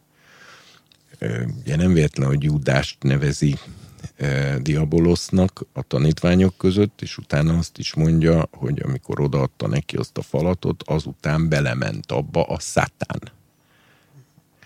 és akkor ugye mire Jézus föltámad, addigra Judás már halott, mert a Jud, Judás lett sajnos a médiuma ennek a lénynek akkor arra az időre, és ez a Judást is a kárhozatba taszította. Amit ő világosan be is látott, és azért ölte meg magát, mert világos volt számára, hogy nincs, nincs számára esély. Na most a nem tudom, ez most, azért, most válaszolta, vagy nem? Hát, hát bizonyos szempontból igen, de azért felmerül az, hogy ez azért egy nagyon realista álláspont. Tehát azt szeretném megkérdezni, hogy a bűnbeesés után, tehát a, a, bűn, a bűnelkövetésekkel szembeni jogfellépés az, az, az akkor teljesen jogszerűnek tekinthető, de mégis azt mondod, hogy, hogy, hogy ok nélkül gyűlöli a sátán az embereket, de ugyanakkor mi az, ami jó az emberekben? Amit neki meg kellene látnia a helyet, hogy minden bűnös és gonosz embert, de akár ártatlanokat is kisebb bűnökkel, vagy nem tudom. Tehát, hogy mindenki ezt számon kéri, és bár nem látja a szívüknek a motivációját, de azért maga a Salamon is azt írja, hogy az emberek mindent irítségből csinálnak. Tehát, hogy, hogy hol van a pozitívum, amit neki látnia kellene? Hát azért ne állítsuk be az embert úgy, mint egy gonosz lényt, mert az ember Isten képmására teremtetett, és a bűnbeesése után is hordozza bizonyos mértékig egy kicsit megrongálódott formában, de azért Isten képmását.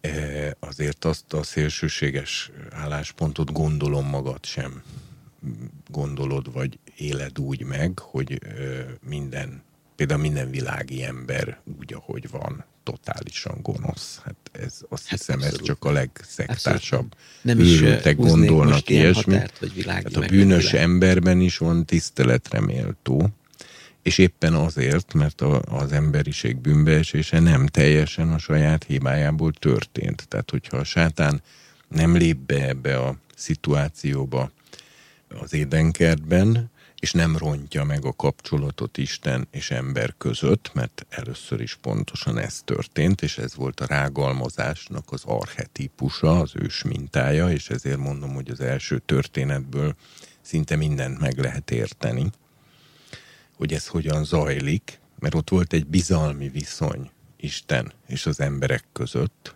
akkor ugye két főnyi ember között, és ezt a bizalmi viszonyt a sátán olyan szinten rombolta le, hogy 6000 éve nem tudjuk helyreállítani, sőt, 6000 éve, tehát 4000 év után a Krisztus meghalt, és azóta is eltelt még 2000 év, és az emberiség még mindig nem tud bízni Istenben, és emiatt Isten sem tud igazán bízni az emberben, mert pontosan az történt, hogy egy jó kapcsolatot, amiben, amit a szeretet és a kölcsönös bizalom határozott meg, ebbe egy éket vert bele a sátán az édenkertben, és ez olyan bizalmi válságot hozott létre Isten és az emberiség viszonyában, amit 6000 éve nem tudott sem Isten, sem mi megszüntetni, pedig már 2000 éve a Krisztus is meghalt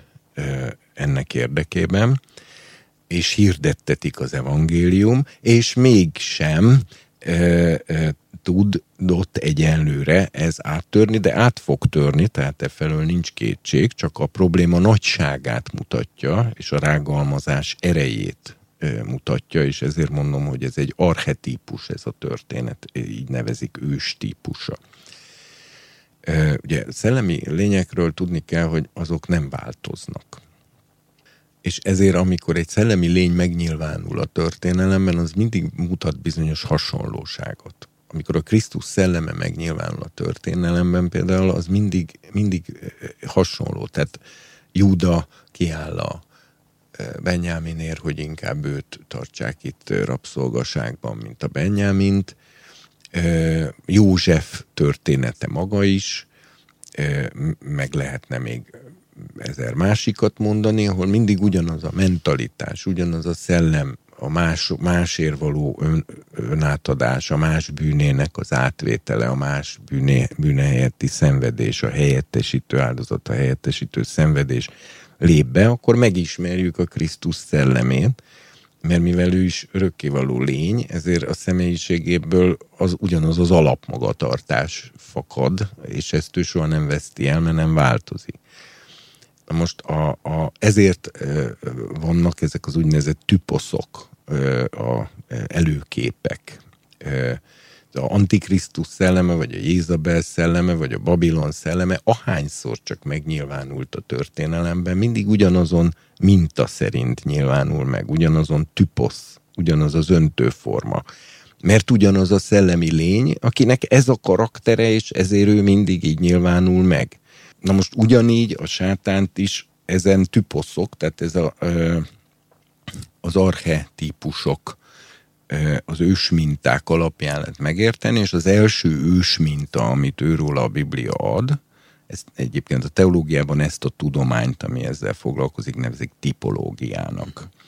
Ez egy külön ö, ö, bibliai hermeneutikai, tehát értelmezés tudomány, hm. tudományág.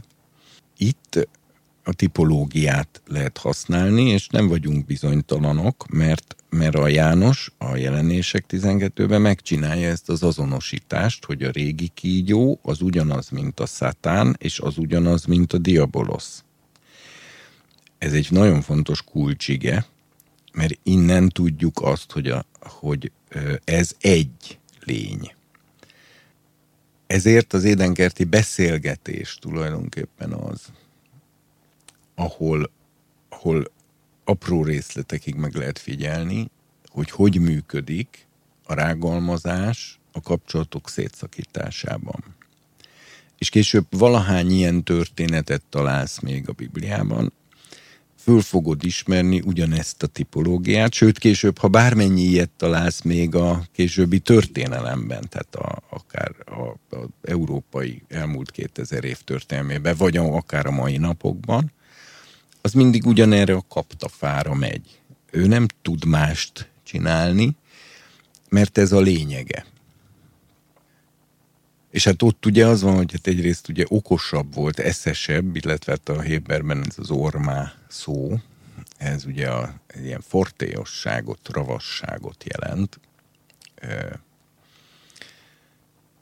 Akár jó, akár rossz értelemben, mert mind a két értelemben használja a Biblia, hogy fortéosabb, ravaszabb, eszesebb, intelligensebb, okosabb volt minden más állatnál a kígyó. Ugye később Jézus, csak azért mondom, hogy önmagában ez még nem lenne negatív állítás, mert maga Jézus mondja a keresztényeknek, hogy úgy küldelek titeket, mint bárányokat a farkasok közé, ezért legyetek okosak, mint a kígyók, és szelidek, mint a galambok. Ez még önmagában nem lenne rossz tulajdonság, hogy egy ilyen rendkívül fortéos, ravasz, ö, ö, eszes, okos, intelligens ö, ö, képessége van. Ezt ugye például az Ezékiel 28 megerősíti, hogy teljes voltál bölcsességgel és szépséggel. Ugye bölcsességbe azért az is beletartozik, hogy egyrészt ez a kerub rengeteg olyan dolgot tudott a teremtésbe való részvétele, meg minden egyebek miatt ami az ember számára tök ismeretlen volt. Másrészt nem csak tudása volt sokkal nagyobb, hanem sokkal intelligensebb is volt. Legalábbis a... a teremtésben. Hát most úgy értve, hogy nem úgy, hogy ő maga teremtett, hanem úgy, hogy sokkal előbb létezett, mint az ember, és a jobb könyve pont leírja. Ott pont mondja Isten jobbnak, hogy, hogy ott voltál, amikor a hajnal csillagok, az Isten fiai együtt örvendeztek amikor megteremtettem az eget, a földet, a stb. Tehát ezek a szellemi lények nyilván, hogy előbb lettek teremtve, mint a fizikai világ egyes kis részletei. Jelen Tehát voltak. ők azt már követték, Értem. hogy ott mi történik. És ugye hát a párbeszédük elemzése, tehát uh, itt eleve rengeteg trükk van. Nem is tudjuk ezt mind végigvenni, mert eleve az, hogy a nőhöz közelít a kígyó meg se próbálkozik Ádámmal. Eleve a gyengébb ponton indítja a támadást, mert valószínűleg azt jól belátta, hogy az Ádámon nem tud fogást találni. Ugye a nő, Éva később lett teremtve, nagyon fontos tényező például, hogy az Ádámnak, a férfinek már volt Istennel kommunikációja, és már megkapta Istentől azt a parancsot, hogy ne egyél a jó és gonosz tudás fájáról, mert amely napon eszel róla, meghalsz. Ez is nagyon fontos, most rögzítsük, hogy ez hangzott el. E, a kert valamennyi fájáról bátran egyél, de a jó és gonosz tudásának fájáról, arról ne egyél, mert amely napon eszel arról, meghalsz. Ez volt az isteni mondat. És ezt Ádám akkor hallotta, amikor Éva még meg se volt teremtve. Tehát csak utána lett, jó, egy napon belül történt, de akkor is ez a mondat már elhangzott, amikor nő még nem is létezett.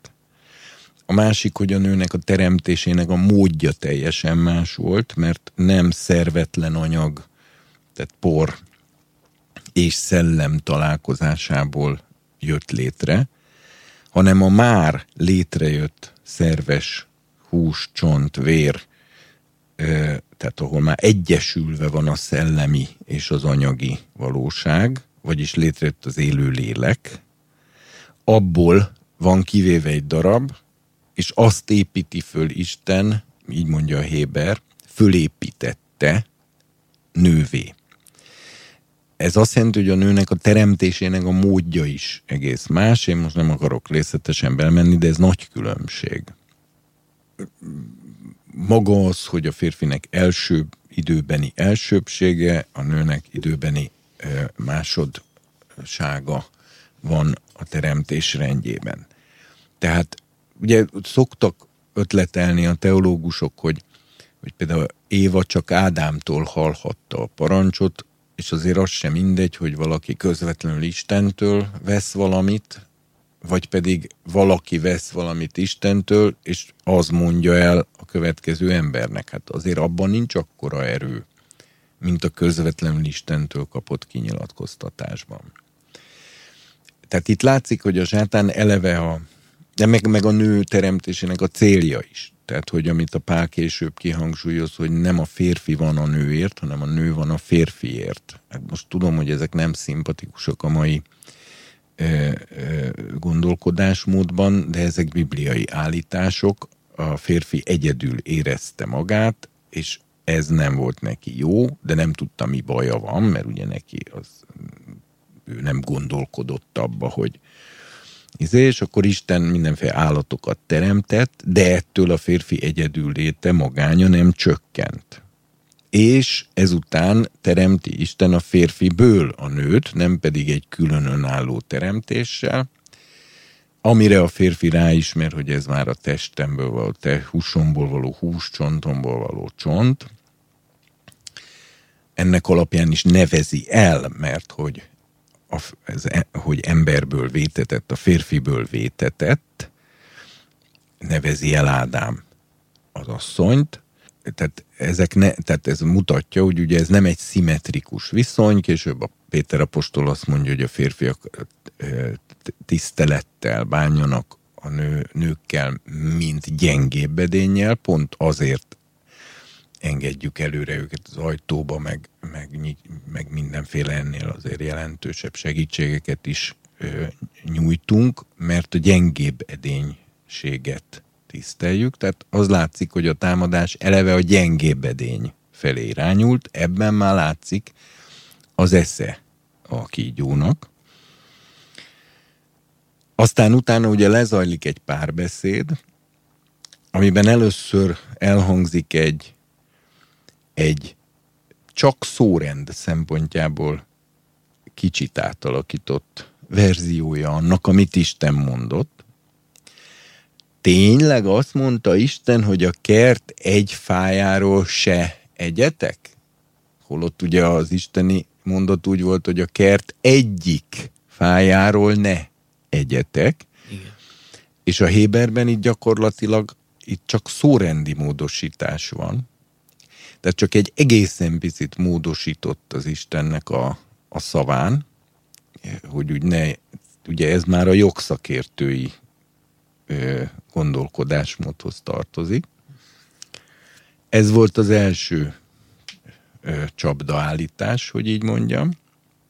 És akkor ezt még a nő elhárítja azzal, hogy, hogy igaz módon válaszol, hogy a kert minden fájáról bátran ehetünk, csak a kert közepén álló fáról mondta azt Isten, hogy arról ne együnk, sőt azt meg se érintsük, mert akkor meghalunk.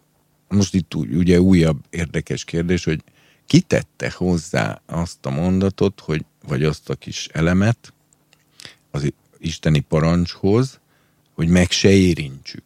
Uh-huh. Mert itt több lehetőség van. Vagy maga Isten tényleg így mondta, csak az első, tehát amikor idézik Istent, akkor ott ebből ez hiányzik, de ilyen a Bibliában van, hogy, hogy nem minden részletet közöl teljes pontossággal, hanem az a részlet máshonnan derül ki. Második lehetőség, hogy nem mondta ezt Isten, hogy meg se érintsék, hanem Ádám tette hozzá azért, hogy az Évát teljes biztonsággal távol tartsa a fától. Ez nem, nem lenne bűn tulajdonképpen, mert ugye az abból is nem is lehet bűn, hiszen nem történt még meg a bűnbeesés, hanem ez egy abszolút úgymond jó szándékú féri korlát húzás volt. És végül van a harmadik verzió, hogy Éva tette hozzá ezt, nem Ádám és nem Isten, hanem hogy valamiképp ő a maga számára ezt a dolgot még egy kicsit szigorúbban úgy értem, legjobb, ha hozzá se nyúlok. De azért itt ugye már szokták mondani, hogy, hogy itt már van egy kis zavar ebből fakadóan, de még ez még nem okoz nagy, ez még mindig nem okoz bajt. Itt kicsit ki van már mozgatva, ki van már lazítva az igazság ebben a párbeszédben, de azért még nincsen, még nem történt meg a, az igazi hazugság. És akkor utána az, az a sátán válasza, hogy biztos, hogy nem haltok meg. Ugye ez azért lényeges, mert az isteni parancsban úgy szerepel, hogy amely napon eszel róla, biztos, hogy meghalsz. Tehát meghalván meghalsz, és ez ugye a Héberben ez a kifejezés a biztos, azt jelenti, hogy biztos, hogy meghalsz. Ő most megint játszik a szavakkal, mert azt mondja, hogy biztos, hogy nem haltok meg, vagyis ezen a ponton ellene mond Isten szavának. De utána viszont mond még három, ö, három vagy négy állítást. Hanem tudja Isten, hogy amely napon eztek róla, kinyílnak a szemeitek, és ö, olyan, és ö, olyanok lesztek, mint Isten, jót és rosszat tudva. Na most az a megdöbbentő, hogy ezeknek az állításoknak az igazságtartalmát később a Biblia elismeri. Mert egyrészt azt olvassuk, hogy amikor ettek, akkor megnyilatkoztak a szemeik, tehát kinyíltak a szemeik. Ugye ez, ez lényeges kérdés, mert itt most kicsit elébe vágok, de azért a, ugye a Pálapostól mondja azt, hogy a sátán az a világ, mindig a világosság angyalaként tünteti föl magát. Tehát ő mindig abban a színben érkezik, hogy ő most itt világosságot gyújt. Ő most itt megmutatja, mi van igazából. Ő most itt ö, ö, leleplezi ö, a nagy titkokat. Ő most itt... Ö, és ugye ez az, ez a, az Ézsajás 14-ben található eredeti angyal nevének, a Hélélben Sáhárnak, ban is benne van, mert a Hélélben Sáhár, az ugye azt jelenti, hogy ragyogó, sugárzó, világító, fényes, Ben Sáhár a hajnal fia. Tehát azt jelenti a neve, hogy fényes, hajnal, fi, a hajnal fia. Rendes Héber név. X, ben Y. És ezért a, a sátán eredeti teremtett valóságához hozzátartozott az, hogy ő, mint a világ mindenség harmóniájának pecsétje és a, és a, a világmindenség rendjének az őre valóban a világosság angyala volt. Az Istentől megkapta ezt a képességet. Teljes volt bölcsességben, szépségben, stb. stb. és ezt is használja, amikor a gonoszság, tehát már megromlott állapotában is, csak hogy úgy mondjam, akkor már lidérc fény inkább, tehát hideg fényé vált, változott a fénye, de ugye a hélélben sáhárt fordították az Ézsajás 14-ben görögre úgy, hogy hajnalcsillag, és aztán ezt továbbfordították latinra is úgy, hogy hajnalcsillag, ami latinul Lucifer, ami ugye fényhozót jelent, fényszállító, fényhordozó. Innen ered a Lucifer név, és ami hát mondjuk mondom egy latin név, tehát annyira nem. Hát ez kicsit árnyalja a haj, hajnalcsillag kell fel, ér fel szívetekben című igét. Ugye hát annál nem, is inkább, nem erre vonatkozik. Az nem erre vonatkozik, de a kérdés, amit fölvetsz, az rendkívül érdekes, ugyanis a, ha megnézed ennek a szövegnek a vulgátabeli fordítását, ott a ezen Lucifer. a helyen is a Lucifer szerepel. És ezt vajon hogyan érti akkor, mint pozitívum? Sőt, a, a görögben is ugyanaz a, tehát az eredeti görög levélben is ugyanaz a görög szó szerepel, ami a, ben, amivel a Septuagintában a hélélben sáhát fordítják. Ez elég problematikus. Hát sőt, hát a katolikus egyházban kín a neten is kim van, ott, ott van ilyen himnusz is, ahol Jézus Krisztus dicsőítik, mint hajnalcsillagot, de mivel latinul teszik, ezért a himnuszban vagy 25-ször elhangzik a Lucifer szó, és ezt szokták kitenni a YouTube-ra azzal, hogy na ugye, hogy a katolikus egyház a sátánt imádja, de valójában ez például egy hamis vád, mert az eredeti szöveg az igékből áll, amelyek Jézus Krisztusra vonatkoztatják a hajnalcsillagot, mert egyébként ott, ahol az van, hogy a, aki győz annak azt adom, hogy megkapja a hajnalcsillagot, van ott, ott is ugyanez a szó szerepel, mert ez a szó egyszerűen csak annyit jelent latinul, meg van neki megfelelő görög szó görögül, hogy hajnalcsillag. Igen. Tehát ők ezt nem, nem Luciferre értették az apostolok, mikor írták ezeket a dolgokat? Nem, igen. Ja. Jól mondod.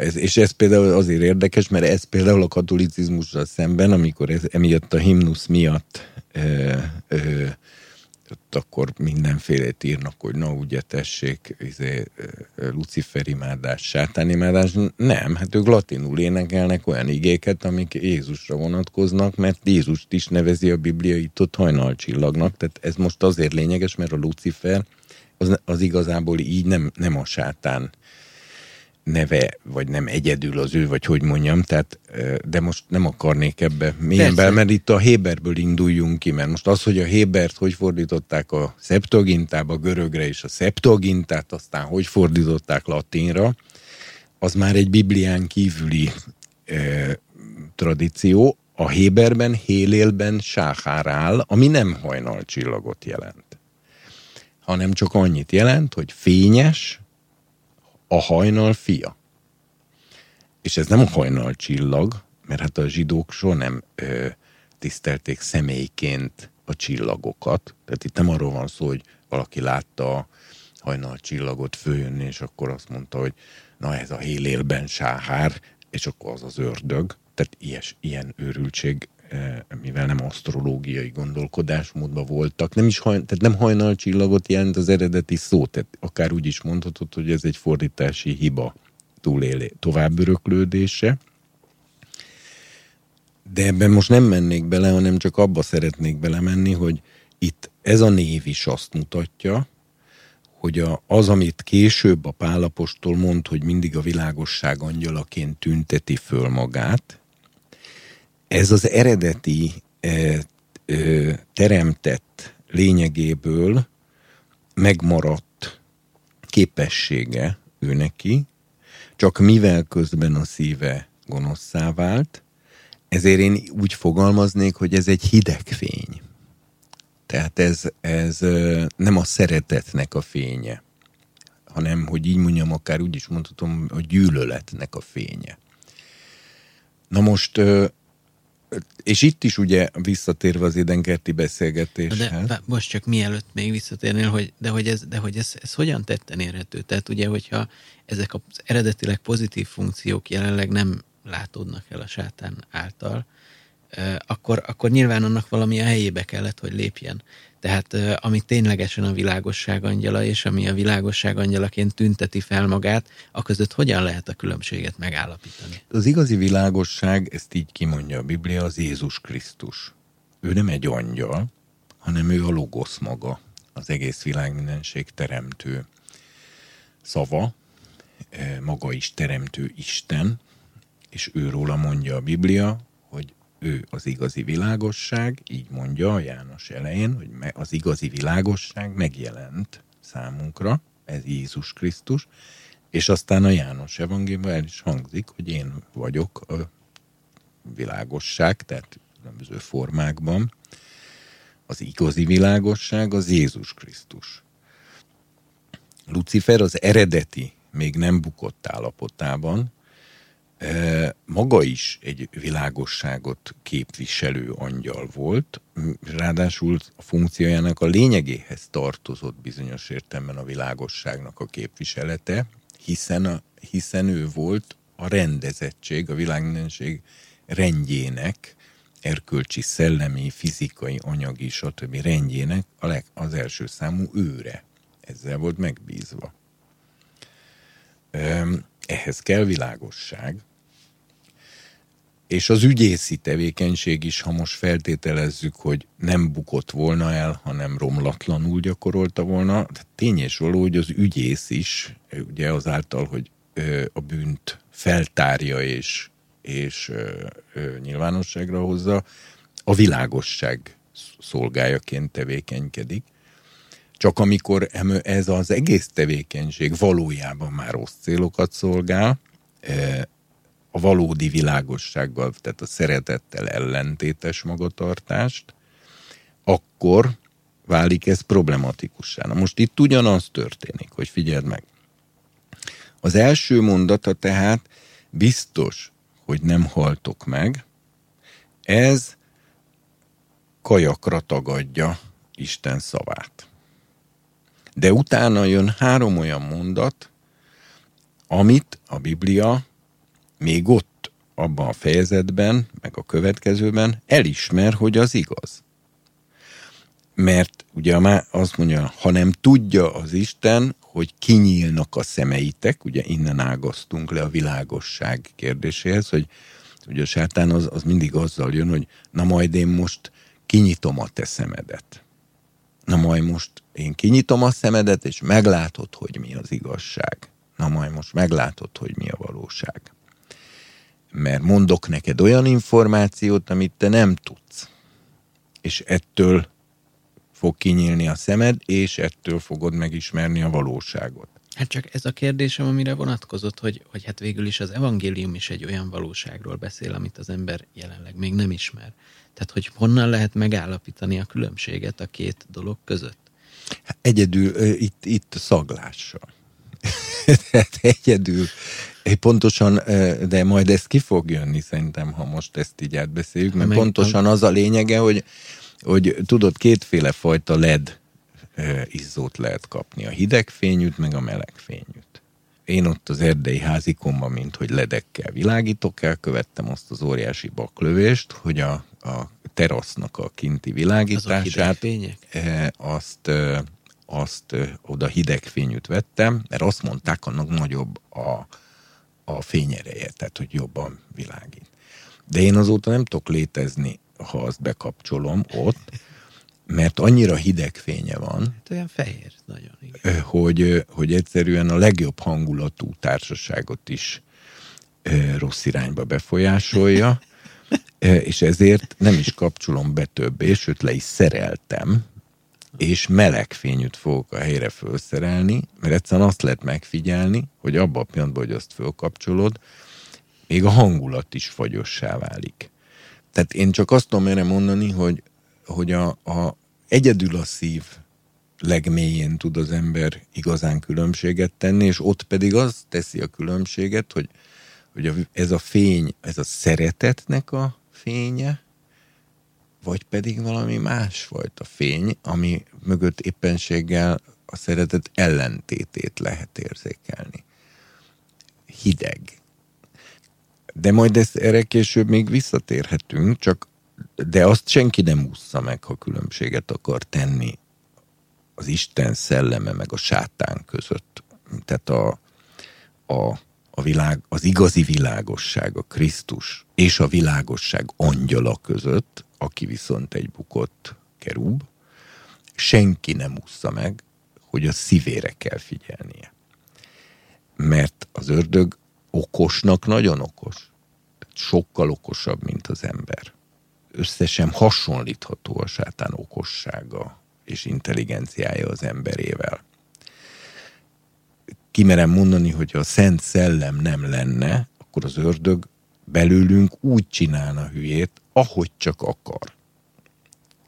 Tehát mérhetetlen. Tehát egy, egy, egy ki tudja hány ezer éve létező nem testi lény, akinek a memóriája tökéletes, tehát mindenre emlékszik, irtózatos mennyiségű tudást és tapasztalatot gyűjtött össze, eleve sokkal nagyobb betekintése volt az Isten dolgaiba, mint nekünk.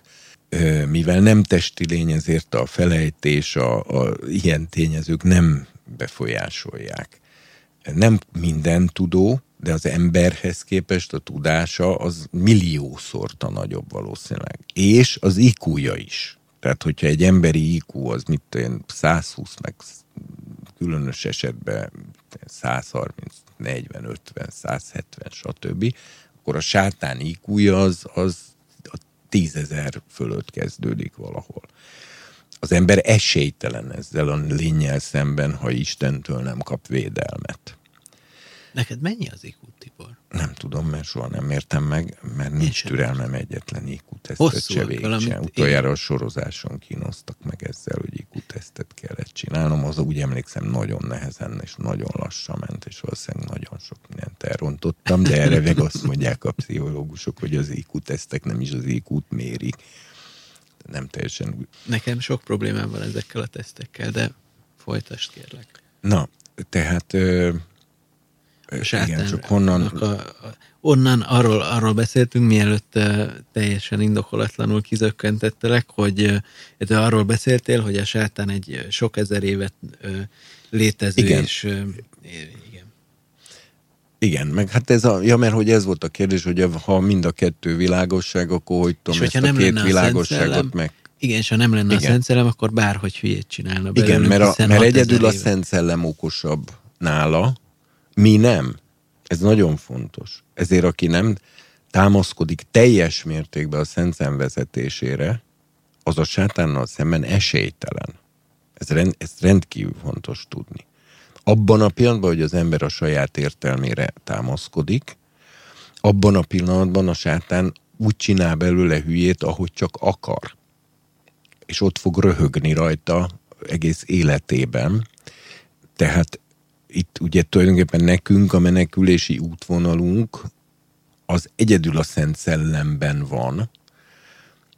Nem szabad abból kiindulni, hogy én okosabb tudok lenni az ördögnél, hanem abból kell kiindulni, hogy a Szent Szellem okosabb is, intelligensebb is, és még többet is tud nála. Ő képes ö, legyőzni és felül múlni. Mi csak akkor tudunk ebben biztonságban lenni, hogyha nem a saját gondolatainkat, következtetéseinket, gondolkodásmódunkat követjük, hanem a Szent Szellemnek az igéből adott kinyilatkoztatását, és az igén keresztül adott rémáit. Azt meg a szívünk közepével vesszük, nem a fejünkkel. A kijelentést az soha nem az agyunk, tehát a, most mindegy, mert nem szervkérdés ez, tehát nem, a, nem az intellektusunk veszi. És aki összetéveszti a saját jó gondolatait, mert lehetnek az embernek jó gondolatai, összetéveszti a saját jó gondolatait a Szent Szellem kijelentésével, az bajba van. Ez azért nagyon lényeges, mert amikor a, a sátán nem támad éppen átmenetileg, hanem altat, mert ez a két verzió van, mert ő mindig ellenséges magatartást tanúsít, de a stratégiájának részét képezi az altatás. Amikor támad, akkor általában előtte altat, és amikor támad, akkor tudni kell minden kereszténynek, hogy nem támaszkodhat a saját gondolataira, következtetéseire, ismereteire, meg hasonlókra, mert itt igaz az az igen nagyon ilyen helyzetben, amit az Ézsajás úgy mond, hogy a ti gondolataitok, mondja az Úr, nem az én gondolataim, és a ti utaitok nem az én utaim, hanem amiképpen magasabbak az egek a földnél, úgy magasabbak az én gondolataim a ti gondolataitoknál, és az én utaim a ti utaitoknál. Amiképpen tehát leszáll az égből a földre az eső és a hó, és megtermékenyíti a földet, és magot ad a magvetőnek, és kenyeret az éhezőnek, így van az én beszédem is, amikor a számból kijön. Tehát ennek az a lényege, hogy annyival magasabb az Isten gondolkozása és útjai, tehát a tervei, a kanyarjai, a, a vezetése, a mi gondolkozásunknál a mi útjainknál, mint amennyivel az ég magasabb a földnél. Tehát tanácsolom minden kereszténynek, hogy nézzen kicsit föl az égre, meg a földre, és nézze meg, mekkora távolság van a kettő között. Az a távolság az ő gondolatainak és útjainak a távolsága az Isten gondolatainak és útjainak a távolságától. De az égből a földre leszáll az eső és a hó, tehát Isten fölülről lebocsátja a saját gondolatait és útjait a kinyilatkoztatás, a kijelentés szelleme által, ami pedig termékenyé tudja tenni az, a földet, tehát az emberi gondolkodás, de csak ez tudja termékenyé tenni, és a ez a termékenység két dologban nyilvánul meg. Magot ad a magvetőnek, tehát ugye ez az ige hirdetésben adott kinyilatkoztatás, és kenyeret az éhezőnek, mert az is gabona magból van, csak azt nem vetjük, hanem őröljük, és sütjük, és megesszük, az meg táplálja az éhezőt, és az ige hirdető pedig tud vetni. De ez mind az eső révén jön a földből ki, tehát magyarul a kinyilatkoztatás, a kijelentés szelleme föntről termékenyíti meg az emberi ö, szellemet, szívet, ö, bensőt, és akkor jön föl az értelmünkre az, amit úgy nevezünk, hogy kijelentést, mégpedig, hogy az Istentől származó kijelentés, mert ugye démonok is adhatnak kijelentést, hogy a dolog még bonyolultabb legyen. Ez nagyon kétségbejtő. Nem, nem kétségbe, de az a baj, hát pedig abban létezel, akár tetszik, akár nem. Az emberiség még soha nem élt békében, mert az emberiség a, a terem azóta van megteremtve, tehát a sátánbukása már megtörtént, Persze. és az ember még az embernek, az e- emberiségnek még nincs olyan tapasztalata, hogy milyen egy békés világ mindenség. Hát a Jobb is ezt mondta, hogy ő nem akar ilyen belétezni, de, na de hát ez, ez, ez a realitás az a realitás. Tehát, na most, de, de viszont egyébként meg ne bizonytalan, hogy gyál el, mert a, azt, hogy mi jön milyen szellemtől, azt nagyon könnyű megállapítani. Na, na, tessék kilenc gyümölcse van a Szent Szellemnek. Ezek, tehát azért van így mondva, hogy a Szent Szellem gyümölcse, mert erről lehet azonosítani a Szent Szellemet.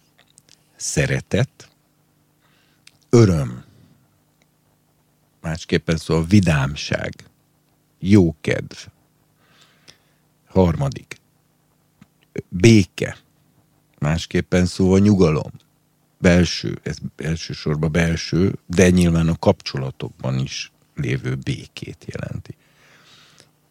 Negyedik, türelem. Ugye hosszú tűrésnek fordítja a Károli, de a görög szó egész egyszerűen csak annyit jelent, hogy türelem. Tehát, hogy az ember képes a türelemre, képes hosszan várakozni. Jóság, jó indulat, hűség, szívesség, vagy másképpen használhatóság a görög. Néha egyenességnek is fordítják, de inkább használhatóságot jelent, tehát az, hogy valaki ugye engedi magát használni, mint amit rólad Akkor is, nekem igen, is ez jutott eszembe.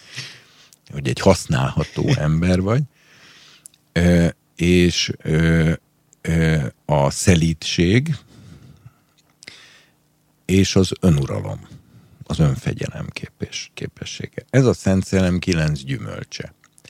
Ha egy ha úgy tapasztalom, hogy kaptam egy kijelentést, tehát, tehát hogy szellemi eredetű, felülről érkező szellemi eredetű ö,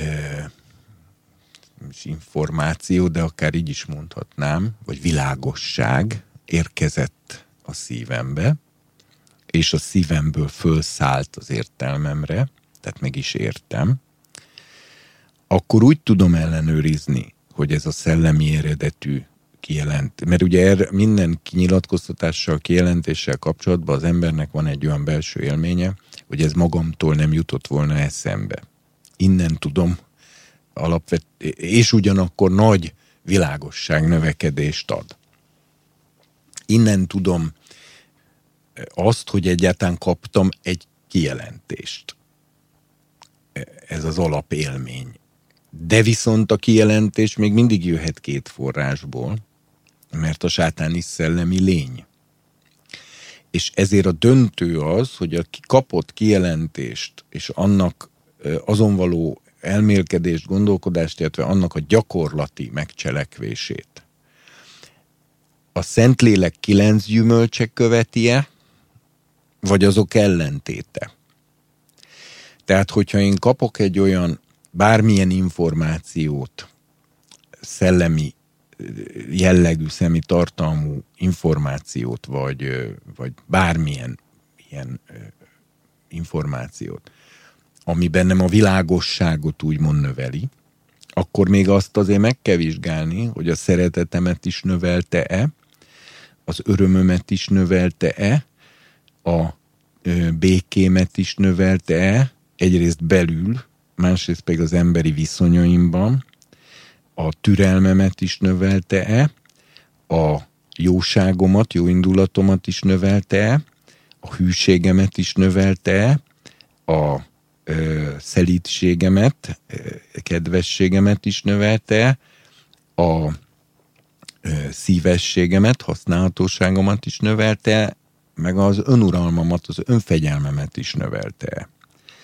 Nem állítom, hogy minden isteni kijelentés mind a kilencet egyformán növeli. Vannak nagyon felkavaró dolgok is. Ö, igen, de ha Istentől kapsz kijelentést, akkor figyeld meg, hogy a felkavaró dolog olyan, hogy fölül fölkavarodik a lelked, tehát az érzelmi, meg egyéb dolgaid, de belül sokkal nagyobb békességed van.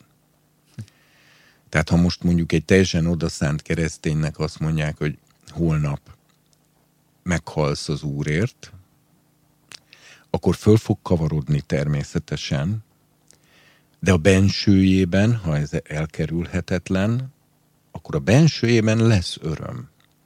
Mert ez egy óriási nagy megtiszteltetés és lehetőség. Tehát Jeremiás például belül nagyon örült, amikor ezek a dolgok történtek vele? Azért mondom, hogy nem állítom, hogy mind a kilenc gyümölcs egyszerre működni fog, de egyrészt újra mondom, hogy itt az, most még mélyebben belemenve az embernek a szellemi érzéseit meg kell tudnia különböztetni a külső ényének a lelki mindenféle rezdülésétől. A külső én lelki dolgai azok a fizikai státuszunktól, állapotunktól is függenek. A szellemednek a legbelső meggyőződése, legbelső belső élményei, azok ellentétesek tudnak lenni a lelki élményeiddel. Tehát boldogok, akik sírnak, mert ők meg lesznek vigasztalva. Boldogok vagytok, ha üldöznek benneteket az igazságosságért, mert az ilyeneké az Isten birodalma, boldogok vagytok, ha mindenféle gonosz hazugságot és szidalmat mondanak rólatok az emberek, én miattam, mert ezt tették a profétákkal is, akik előttetek voltak, és ezért bőséges a jutalmatok. Tehát belül az embernek a szelleme ha az ember az igazságban jár, és igaz kijelentést fogad be, akkor belül, legbelül mindig növekszik a békessége. Még akkor is, ha az a kijelentés arról szól, hogy holnap agyonvernek, ö, ö, miszlikbe aprítanak, vagy akármi, de ha ez az úrért történik, és ezt az ember belül teljesen világosan és biztosan tudja, akkor ettől az ember belül vidámabb lesz, boldogabb lesz. Tehát, hogy mondjam, most ez kicsit hülye hangzik, de kicsit még élvezi is, hogy tehetek valamit az Úrért, valami igazán jót, és, és különben meg egyébként a harc az nem rossz dolog, tehát az ember harci lénynek is van teremtve, és ezért egy egészsége, hát főleg egy férfi, egy egészséges férfi, az szeret is harcolni. Tehát, tehát abban az is benne van, hogy, hogy még az se baj, én nagyon verekedős gyerek voltam egyébként, és a mai napig nosztalgiával gondolok vissza. Az se rossz, amikor megüt, és még az se rossz, ha megütik az embert, mert a fájdalomtűrés képessége is hozzátartozik a férfi természethez, és bizonyos értelemben az is egy olyan erő, ami a verekedésben aztán a saját hasznodra fordul. Mert ha, hogy mondjam, nagyon fáj, akkor te is jobban bepipulsz, és akkor... Na de mindegy, most nem ezt akarom magasztalni, de azért tény, hogy a férfi természetbe ez bele van teremtve, és ezért ne a modern nyugati el, végtelenül elpuhult, ilyen mesztelen, csigaszerű lélekkel rendelkező férfiakról beszéljünk most. Bocsánat, de ez most villanásszerűen ez a kép. Úgyse a mai adásban még nem beszéltél erről, úgyhogy érthető vagy. De menjünk vissza az édenkerti dologhoz, mert ott ugye pontosan az történik, hogy a sátán, a kígyó, az ő nagyobb természet fölötti tudásából olyan információkat adott ki a második három mondatában, amelyek végül igaznak bizonyultak, tehát azt mondja, hogy, hogy kinyílnak a szemeitek, tudja Isten, hogy kinyílnak a szemeitek, ugye most már harmadszor is innen kalandozunk el, mert, de azért, mert ez egy nagyon fontos. Ez az olyan ember, aki úgy jön hozzá, hogy na majd én felnyitom a te szemeidet mert te nem tudod ám, hogy mi a valóság. De én tudom, hogy mi a valóság. Úgyhogy most majd én fölnyitom a szemeidet, hogy te is lásd, hogy mi a valóság. Az ilyen ember az nem feltétlenül Istentől érkezik. E, e, újra fölhívom a figyelmet, Pálapostól kettő korintusi levélben van, és ezekben a mostani időkben én mindenkit nagyon bátorítok a kettő korintusi levél olvasására, mert az egész levél mindenestül a teljes tartalmában rendkívül aktuális. De a lényeg az, hogy, hogy ahogy ott mondja Pál, hogy a világosság angyalának tünteti föl magát. Ez szintén az édenkerti eseményre is utal, meg az eredeti névre a Hélélben Sáhára is utal, hogy ezt tudja csinálni az ördög. Hát most gondolja arra, hogy amikor a, a filippi jövendő mondó lányka azt kiabálta a jövendőmondás Piton nevű szelleme, ugye a görögben az áll a Piton szelleme volt benne. Ez a Delfoi Jósdának a szelleme. Ezt pontosan lehet azonosítani. A Delfoi Jósdáról volt az, hogy a, a, ami a legnagyobb erejű ókori jövendő mondóhely volt, hogy ugye a történet, a legenda szerint, a, a, vagy a mítosz szerint a Piton, aki egy gigász volt, tehát az Istenek nemzedékénél, az olimposzi Istenek nemzedékénél egy nemzedéke régebbi Isten fajtához tartozott, akiket aztán az olimposzi Istenek legyőztek, és ez, ez a, ezt a gigászt Apollón győzte le, és zárta le a mélységben egy barlangba, e, a Delfoi Jósda fölött. És onnan párologtak föl a földből ilyen, ilyen vulkánikus valami gőzök, plusz a nyers vadba bérlevelet rákcsálta a Pütia nevű beavatott jövendőmondónő. A Pütia az a Püton nőnemű alakja, tehát tulajdonképpen a jövendő mondót nőstény ö, ö, pitonnak tekintették. Ettől ő teljesen megőrült, mert ugye a, a, a, a kábítóhatású levél és a, a, ezek a gőzök együtt, ezek őt így ilyen, és összefüggésten ordítozott, és ez, ebből az összefüggésten ordítozásból szerkesztették össze, valahogy értelmezni próbálták a szavait, amiket mond, és alkották meg a jövendőléseket, amit aztán a delikvens megkapott, és aminek az volt a híre, hogy az esetek óriási százalékában igaz. Oedipus király sorsában igaz volt, Szókratész életében igaz volt, itt pedig visszaigazolja ezt az abcsel, mert az abcselben a lányban a Python szelleme van, és azt kiabálja, hogy ezek az emberek a magasságos Isten szolgálja, akik nektek az üdvösség útját hirdetik. Hát ennek az állításnak minden szava igaz. Az igazán veszélyes jövendőmondás az pont az, amiben van igazság. Ez mindig is így van, mert az hatol be az emberi szívbe, és azután van az, hogy már nem tudod kihúzni magadból a nyilvesszőt, mert ilyen kampos, horog szerű izé, hogy mivel van benne igazságelem, ezért beakad a, a bensődbe, és nem tud magadból kiszedni. De közben mérgezett, és ugye a Pál is érdekes, hogy három napig nem szól semmi, csak figyel. És a harmadik napon azt mondja, hogy a Pál a szellemében fölbosszankodva, vagy így fölingerlődve, hátrafordul, és azt mondja, hogy parancsolom neked, hogy menj ki belőle a Jézus Krisztus nevében. Tehát lehet, hogy azért várt három napig, mert három nap kellett neki annak a megítéléséhez, hogy most a lányban a Szentlélek van, vagy pedig egy jövendőmondó szellem. És ezt csak arról Érdekes. tudta ő is megállapítani, tehát figyeld, nem a mondatok tartalma volt a lényeges, mert az teljesen, mert az igaz volt. Ott kétség nem volt, hogy a lány igazat mond. Hanem amikor hallasz egy ilyen mondatot, ami, ami vagy kétségtelenül igaz, vagy pedig az is lehet, hogy, hogy ugyan nem tudod, hogy kétségtelenül igaz de nagyon igaznak hangzik, de mondjuk ez esetben ráadásul teljesen igaz, igaz is volt, akkor már nincs más lehetőséged, mint arra figyelni, hogy felidegesít, vagy nem idegesít föl. Tehát a Pálnál azt mondja, hogy harmadik napon a szellemében felbosszangodva megfordult és kiűzte a démon.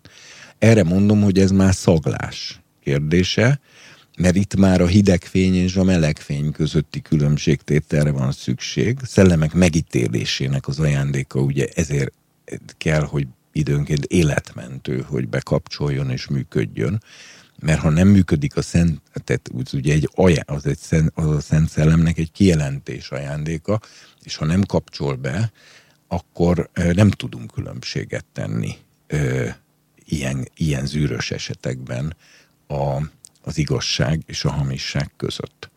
És ilyenkor ezért a belső intuíció szerepe fölértékelődik, és arra kell figyelni, hogy a bensőmben az, amit hallok, lehet, hogy tartalmilag teljesen igaz, lásd a Filippi jövendőmondó lánykát, lehet, hogy tartalmilag teljesen igaz, de a kérdés az, hogy mi történik a bensőmben ilyenkor. Mert hogyha nem a szeretet, az öröm, a béke, a türelem, a hűség, a jóság, a szívesség, a szelítség és az önuralom növekszik meg, hanem ezek ellentéte, a szeretet helyett például a kapcsolataimban mérgesség, harag, neheztelés keletkezik. Meg nem bocsátás, mérgesség, harag, neheztelés, mindenféle fájdalmas izék. Vagy kifejezetten ennek annak az információnak a befogadása révén. Vagy az örömöm elmegy. Ö, tehát tehát ö, depresszió, ö, csüggedés, kilátástalanság, szomorúság, stb. keletkezik. Vagy békétlenség, tehát hogy ö, belül feszülté válok ö, például. Legbelül is ö, feszülté válok. Tehát, és ugye az az élményem van, hogy minthogyha ö, ilyen meghasonlás keletkezik, és ilyen ö, ö, hát gyöt, gyötrő, gyötrelem keletkezik, tehát de, ne, de a, igen, a, vagy, a, vagy az emberi kapcsolataimban türelmetlenné válok, vagy békétlenné válok. Lecsökken a tűrő. Ide, ide, hát ugye ezt szokták mondani, most mitől vagy ilyen idegbeteg, mi történt veled? Ugyanazt a izét, amit tegnap nevettél volna rajta, attól most betámadsz és, és idegbeteg vagy, akkor meg szoktuk egymást is kérdezni, mi a baj, mi, mi történt, volt valami gond, ha a hűség csökkent, tehát akikkel elkötelezett viszonyban állok, azokkal az elkötelezettségem ö, elkezd foszladozni, hogy, és az embernek olyan gondolatai vannak, hogy én ezeket elhagyom. Ezeket az embereket, akikkel elkötelezett viszonyban vagy vagyok az igazság alapján régóta, és akkor én inkább lelépek, nem érdekel, izé. Vagy vagy a jó indulat csökken. Tehát, tehát, vagy az önfegyelem, mert olyan is van, ugye ez is depressziós tünet, nem bír fölkelni időben, nem, nem bírja elkezdeni a munkáját, szétesnek a, a dolgai, stb. Na, ö, tehát a gyümölcsökről ismerni meg a fát. Az igaz és a hamis proféták között is Jézus azt mondja, hogy a gyümölcsök alapján tegyetek különbséget. Rossz fáról nem szednek jó gyümölcsöt, és jó fáról nem szednek rossz gyümölcsöt. Egy barackva az nem olyan szép, mint egy fenyő. E, gírbe-gurba, göcsörtös, pici, e, e, unszimpatikus, mint fa a dizájnja. Nézzél meg egy szőlőtőke, tehát hogy néz ki egy szőlőtőke most a többi fához képest. Össze-vissza, girbegurba, göcsörtös, kicsi, stb. A fenyő meg gyönyörű szép, és ha fölmész az Alpokba, akkor fantasztikus látványba lesz részed, de ennél nem tudsz róla, mert a, a gyümölcse nem alkalmas fogyasztásra. Tehát a, a, nem a fát kell nézni, ezt akarom mondani, hanem a gyümölcsöt kell megkóstolni. Ezért mondja az ige, hogy a messiás az nem szemeinek látása szerint ítélkezik, és nem a füleinek a hallása szerint bíráskodik. Tehát a szellemet is be, meg kell érezni. Na most visszatérve, tehát jött a első, tehát ugye mind, megint az édenkerti dologhoz, hogy, hogy tudja az Isten, hogy ki fognak nyílni a szemeitek. Következő állítás az volt, hogy és olyanok lesztek, mint Isten. Ugye itt egyébként az eredetiben Elohim van, ami a Héberben Isteneket is jelent, meg az egyetlen Istent is tehát, tehát ugye isteni lények lesztek, olyanok lesztek, mint az isteni lények, jót és gonoszt tudván, tehát hogy amiatt lesztek olyanok, mint az Isten, vagy az isteni lények, mert meg tudjátok a jót és a rosszat. Ez volt a következő. Igen, tehát három állítás van még az elsőn kívül. Az első az, hogy biztos, hogy nem haltok meg. Ez egyértelműen ö, ellene mond az Isten szavának, de utána jön három állítás, tudja Isten, hogy kinyílnak a szemeitek, megtudtok jót és rosszat, és olyanok lesztek, mint Isten. Na most figyeld meg, ahogy ettek a gyümölcsből, rögtön azt olvasod, hogy és megnyilatkozának az ő szemeik. Tehát és mai, mai magyar nyelven, mert ez ezt jelenti ez a mondat, kinyíltak a szemeik. Vagy még pontosabban mai magyar nyelven kinyílt a szemük. Mert ugye a magyarban nem többes számba ragózzuk ezeket a páros számú testrészeket.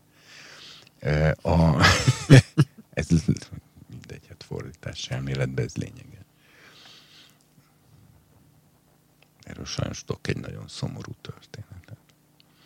Amikor a koncentrációs táborban két 40 kilóra fogyott zsidónak az volt a dolga, hogy a krematóriumokat mindig ők ürítették ki. És ahogy dolgoztak ketten, csontokat ugye szedik ki, meg minden, az egyik megszólt, hogy á, úgy tűnik, enne, e, e, ez egy lábú volt. Mire azt mondja a másik, nem vicc, ez egy megtörtént történet. Mire a másik azt mondta, nem úgy mondjuk, hogy egy lábú, hanem fél lábú jaj, most mit szórakozik maga velem, hát úgy is mondhatom, hogy egy lábú, nem? Mire mondta a másik, hogy nem. A magyar nyelvben ezt úgy mondjuk, hogy fél lábú. Mire a másik megint pampogott valamit, és akkor az egyik azt mondta, tudja, hogy én ki vagyok? A legnagyobb élő magyar novellista, Geléri Andor Endre. Ennyi a történet. Tehát ezt csak azért mondom, hogy a magyarban e, e, ezt így kell mondani. Na most a, a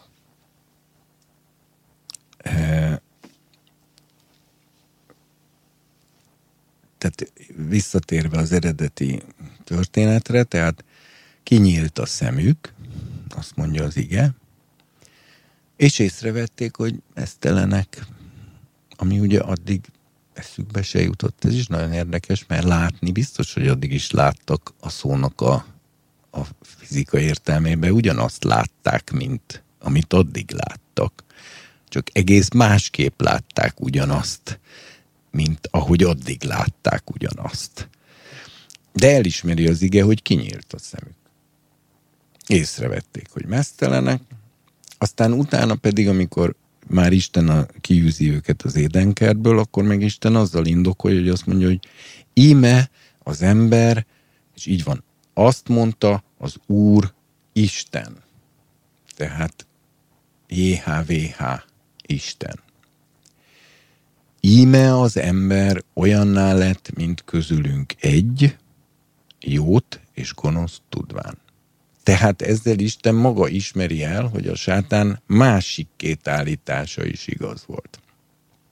Tehát van négy állítás, amiből a Biblia hármat igaznak elismer, és csak egy hazug állítás volt benne, az, hogy nem haltok meg.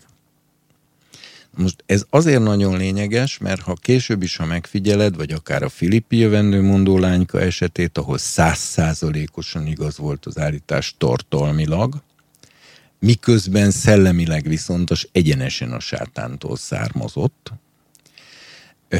és erre mondom azt, hogy itt emberi intellektus kevés az eligazodáshoz, itt az embernek a szellemi szagló és ízlelő képességét kell használni, ezt mondja az ige, hogy ízleljétek, hogy jó az Úr, és ott ízlelés van, és utána a Péter, amikor idézi ezt a Zsoltár sort, akkor a Péter úgy folytatja, hogy mert hát hamisítatlan anyatejen nőttetek föl, tehát, tehát az anyatejet az ízéről lehet azonosítani ízlelni kell, meg szagolni kell, szellemek megítélésének kell működni akkor, amikor a sátán direktben támad, mert akkor mindig ugyanezt az eszköztárat használja.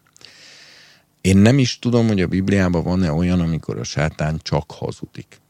Tehát ő mindig kever igazságot abba, amit mond, mert ennek van egy pszichológiai, sőt nem is csak pszichológiai, hanem szellemi technikája, aminek az a lényege, hogy a szintiszta hazugság az nem azelőtt az emberi szív azonnal bezár, mert az emberi szívnek az a képessége, ha nincs nagyon megromolva, akkor azért az megvan neki, hogy, hogy azért a, a szintiszta hazugság előtt azért valahogy lezár, mert egyből érzi azt, hogy nem a szeretet, öröm, béke, stb. jön itten, hanem, hanem feldúl belül ez az egész.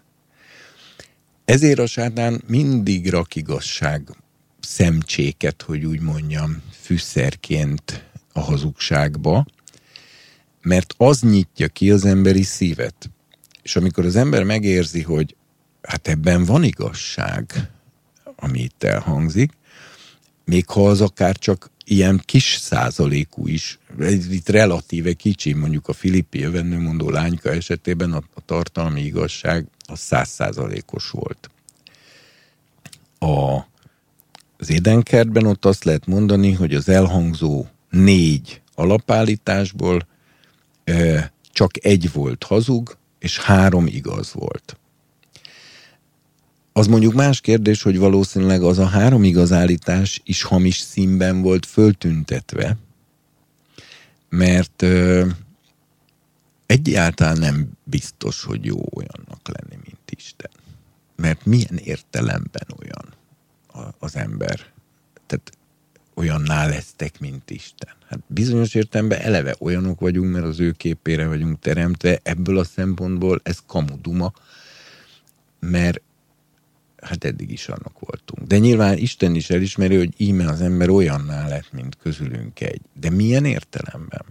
Jó értelemben lett olyan, vagy rossz értelemben? Tehát például, hogy az Istennek a függetlenségét kapta meg, mert kétségkívül Isten nagyon független lény, de az ember viszont függő lény, ezért ha az ember ugyanolyan függetlennek kezd érezni magát, mint Isten, akkor az ő, az nem egy pozitívum. Ne, nem tudom én, vagy például kinyílt a szemük, hát ez igazán szuper, na de abban mi a szuper, hogy két addig egymással teljesen intim viszonyban levő ember, akik nem szégyelték a mesztelenségüket egymás előtt, azok hirtelen elkezdték önmagukat elrejteni a másik elől. Ez pozitívum? Kinyílt a szemük, de amit láttak, az valami olyan volt, ami miatt a két addig jó viszonyban levő ember eltávolodott egymástól? Vagyis a dia bobbálló, a, a kapcsolat szétszakítása nem csak isteni az ember relációjában, hanem az ember-ember.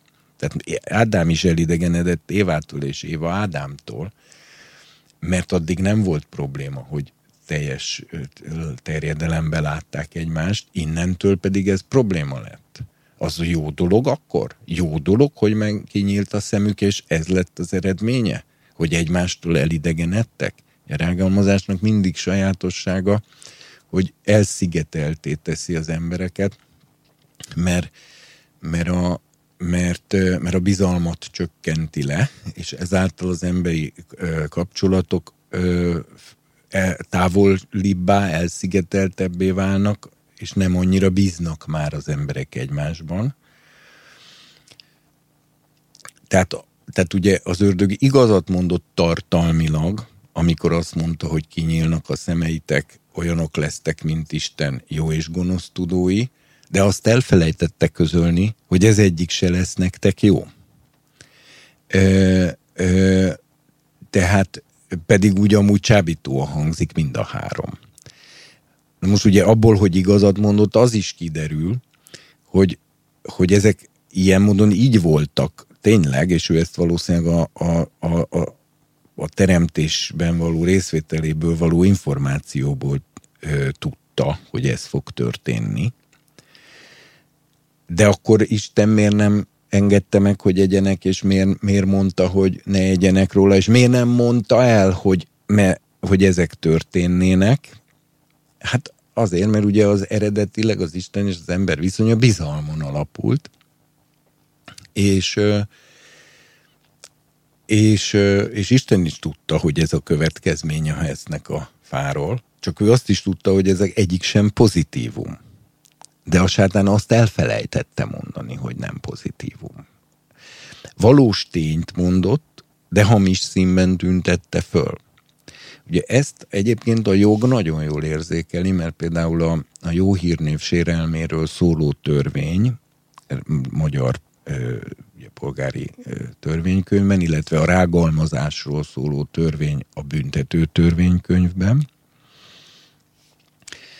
az, az részletesen tárgyalja, hogy ezek mikor valósulnak meg, és ott van egy ilyen, hogy hogy a jó hírnév sérelmeit, a rágalmazás, az megvalósulhat valós tények állításával is, abban az esetben, ha ezek, ha vagy ezek hamis színben vannak feltüntetve, ezek a valós tények, vagy nagyon érzékeny a jogalkotás, mert azért ott, ott van az emberiségnek ez a tapasztalata, hogy, hogy, hogy azt is mondja, hogy, hogy valós tények állításával, de más valós tények elhallgatásával a sértettet hamis színben tünteti föl.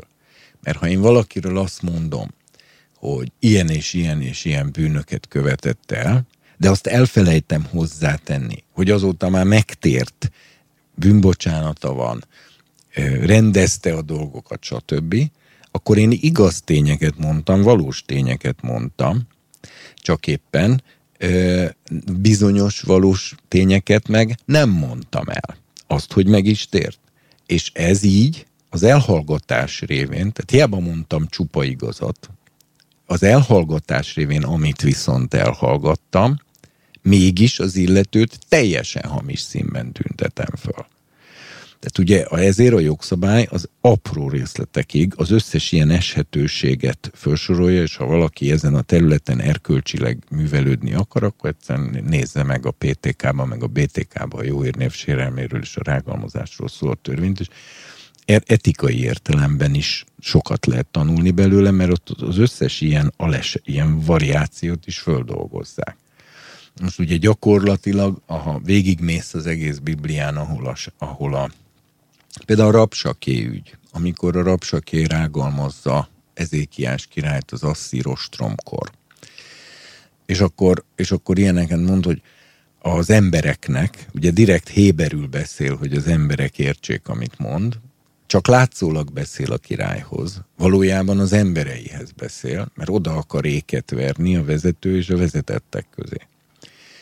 Szólnak is neki, hogy ne héberül beszélni, és akkor meg is mondja, hogy hát miért, hát talán hozzád beszélek én, nem inkább ezekhez az emberekhez, akik itt hallgatnak? És akkor ugye ott, ott is azt mondja, hogy hát nem ez az ezékiás az, aki el, lerombolta az úr összes oltárait Júdában, meg mindenfelé? Hát miért hallgatna meg a kotiteket most az úr? Most ez egy igaz állítás volt, mert Ezékiás tényleg lerombolta az összes magaslatokat, mert ugye a Tóra tiltja az úrnak való áldozatot is, bárhol máshol, mint a templomi rézoltáron. És éppensége az volt a hiba korábban, amit még Salamon is elkövetett, meg jó királyok is, hogy az úrnak hagyták áldozni a magaslatokon az embereket. Csak a bálványoltárokat rombolták le. De mindig meg is jegyzi az ige, hogy de hát a nép még áldozott a magaslatokon az úrnak. Mert azt megmerni csinálni, hogy ahol az úrnak áldoznak a magaslatokon, azt is lerombolni, mert hogy a Tóra azt mondja, egyébként nagyon ez is elgondolkodtató, hogy aki az úrnak áldozik, de nem a Jeruzsálemi templom oltárán, az démonoknak áldozik. Hiába az a szándéka, hogy az úrnak áldozzon. Mégis démonnak áldozik. És ezért a Tóra kimondja, hogy ilyen ne legyen, de egy király sem merte megcsinálni, mert erkölcség nem tudták azt fölvállalni, hogy az hogy amikor azt mondják az emberek, hogy de hát én nem bálványnak áldozom, az úrnak áldozom itt a kert végébe, ezen a kis, kis kálvária dombon, a, itt a dombtetőn, akkor megszeppentek a vezetők, hogy hát akkor ezt ne bántsuk, bár a tóra azt mondja, hogy démonnak áldozik, de kimeri ezt fölvállalni. És akkor jött egy király az ezékiás, aki tök bátran konfrontált a saját népével, hogy kitisztítsa ezt a démonikus jelenséget, és utána jön e, e, egy támadó, aki azt mondja most az embereinek, hogy hát nem ő rombolta le a, az, az úrnak az oltárait egész Júdába? Hát akkor miért segítene meg benneteket az Isten? És ugye itt is megint látszik, hogy van egy igazságelem, de hamis színben van feltüntetve, másik igazságelem el van hallgatva, és a így a kettő együtt egy hazugságot képez már, ami destruktív az Isten népének az irányában. És, és, és ugye nagyon érdekes, hogy az ezékiás, tehát mert az ilyen kommunikációval rendkívül nehéz vitatkozni, mert mindig rámutat arra, hogy de hát ez igaz, de hát ez is igaz, de hát ez is igaz és hiába mondott, hogy úgy, ahogy van az egész együttvéve, viszont totális hazugság, mert arra ő mindig hivatkozik, hogy de hát az igaz, amit mondtam, meg az is igaz, meg az is igaz. És akinek nincs ebben ö, etikai, erkölcsi gyakorlata, már pedig ehhez azért élettapasztalat is kell, meg, meg más egyéb, az nem tudja ilyenkor szétszálazni, hogy most ez igaz, ez nem igaz, akkor most ez hogy van, meg minden, nem is rendelkezik a szükséges információkkal, stb. stb. És a végén mivel beakad a szívébe az igazság elemek révén akad be, hogy de hát ez igaz, hát ez, igen. És mégis amit benyel, az tud teljes egészében hazug.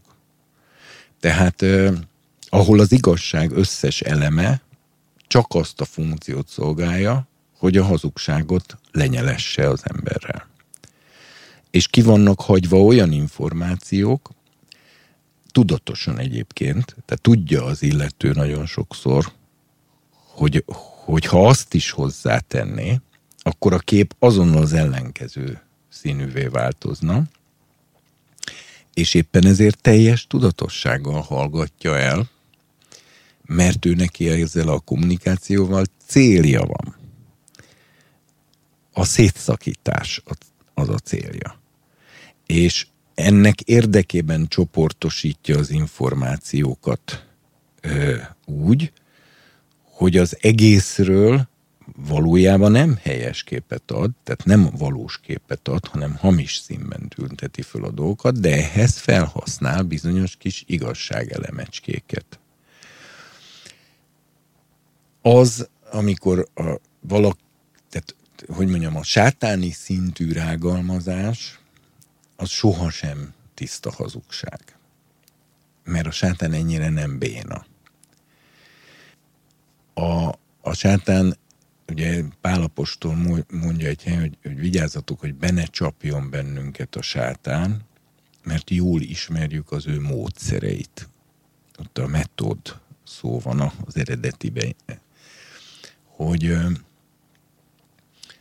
hogy hát a sátánnak vannak módszerei, és ezeket a Biblia alapján lehet leleplezni, és rögtön az első ö, archetipikus megnyilvánulás akkor az édenkertben teljesen világosan már kirajzolódik az a technika, amivel ő dolgozik, mint kommunikációs technikával. Na most, de hogy még érdekesebb legyen, ugye az, az történik, hogy miután az ember már evett a gyümölcsből, tehát a méregbe került, amiben azért az ember kívánsága is benne volt, mert azt még azért tegyük hozzá, hogy miután a sátán ezeket a mondatokat elmondja, utána azt olvasott, hogy az asszony látta, hogy a fa ránézésre jó az étkezésre, elederre jó, kívánatos a gyümölcse a bölcsességért. Itt az eredetiben a Haskell lá gyök, ez a hiszkír gyök, vagy ige van, ami egész pontosan belátást jelent, tehát kívánatos a belátásért, hogy belelássak, és ugye eled erre jó, ezért ugye eszik belőle, tehát itt azért az is látszik, hogyha, hogy a nőben vannak természetes kívánságok, amik nem bűnös kívánságok, hiszen még nem történt meg a bűnbeesés, tehát a, a nő személyiségében még nem volt bűn, hanem Istentől adott természetes igények, természetes kívánságok voltak benne. Természetes kívánság, hogy egy finom gyümölcsöt megegyek, természetes kívánság, hogy szeretnék nagyobb belátással rendelkezni a dolgokról. Ezek természetes, önmagukban pozitív és jó kívánságok, de a sátánnak ez a, az igazságból és hazugságból kevert szövege, ez már úgy hatott ezekre a természetes kívánságokra, hogy az végül Isten igényének a megszegéséhez vezetett. Na most a, a miután pedig ez megtörtént, ugye az a furcsa dolog állt elő, ezt úgy szoktuk mondani, hogy kaptak egy másik szemüveget rögtön, azonnal más mátrixban, más értelmezési ö, struktúrában látták az egész valóságot, ahogy megették a gyümölcsöt. Ugye ezért mondja a Derek Prince egy helyen azt, hogy engem az ördögtől még az igazság sem érdekel. Az ördögtől még az igazat sem hallgatom végig. E, lásd a Filippi jövendő lány esetében. nem fo- az ördögtől még az igazságot sem szabad elfogadni, mert az is mérgez mert a szándék, ami mögött áll. Nem beszélve arról, hogy ugye azok az információk, amiket mondott, tehát a, amik igaznak bizonyultak, a, megnyíltak a szemeik, jót és gonoszt tudnak, stb., hogy azok se voltak építőek, ez pedig ugye az okkultizmusnak a kérdésköréhez is viszát, mert ott van az, hogy, hogy, az, hogy azt, amit Isten el akar rejteni, ugye mondja a Tóra, hogy a titkok az úréi, a kinyilatkoztatott dolgok pedig a miénk, hogy azokat megcselekedjük, amit az úr el akar rejteni, azt ha kiadod, akkor azzal nem építesz. Például egy hat éves kislánynak, aki iszonyú részletesen elmagyarázza, hogy őt a szülei hogy nemzették, akkor lehet, hogy csupa igazat mond, de azzal annak a gyereknek a lelkét teljesen tönkre teszi, mert, mert az a gyerek még nincsen abban, a, abban az állapotban, tehát hogy egyáltalán értse, hogy miről van egyáltalán szó, és ez őt megmérgezi. De most eljött a műsoridőnk Búcsú vége. pillanata. Most az a kérdésem hozzád, hogy ezt akarod esetleg folytatni, vagy pedig az Folytat. utolsó kérdésemet, ami az legelső kérdésem is volt, arra még esetleg szeretnél válaszolni. Én szerintem inkább folytassuk, mert, mert uh, itt még aztán rengeteg minden van, és én se fejeztem most be, amit Igen. akartam mondani, mert az még egy Izgalmas percet igénybe zárjuk venne. akkor. Uh, szervusztok!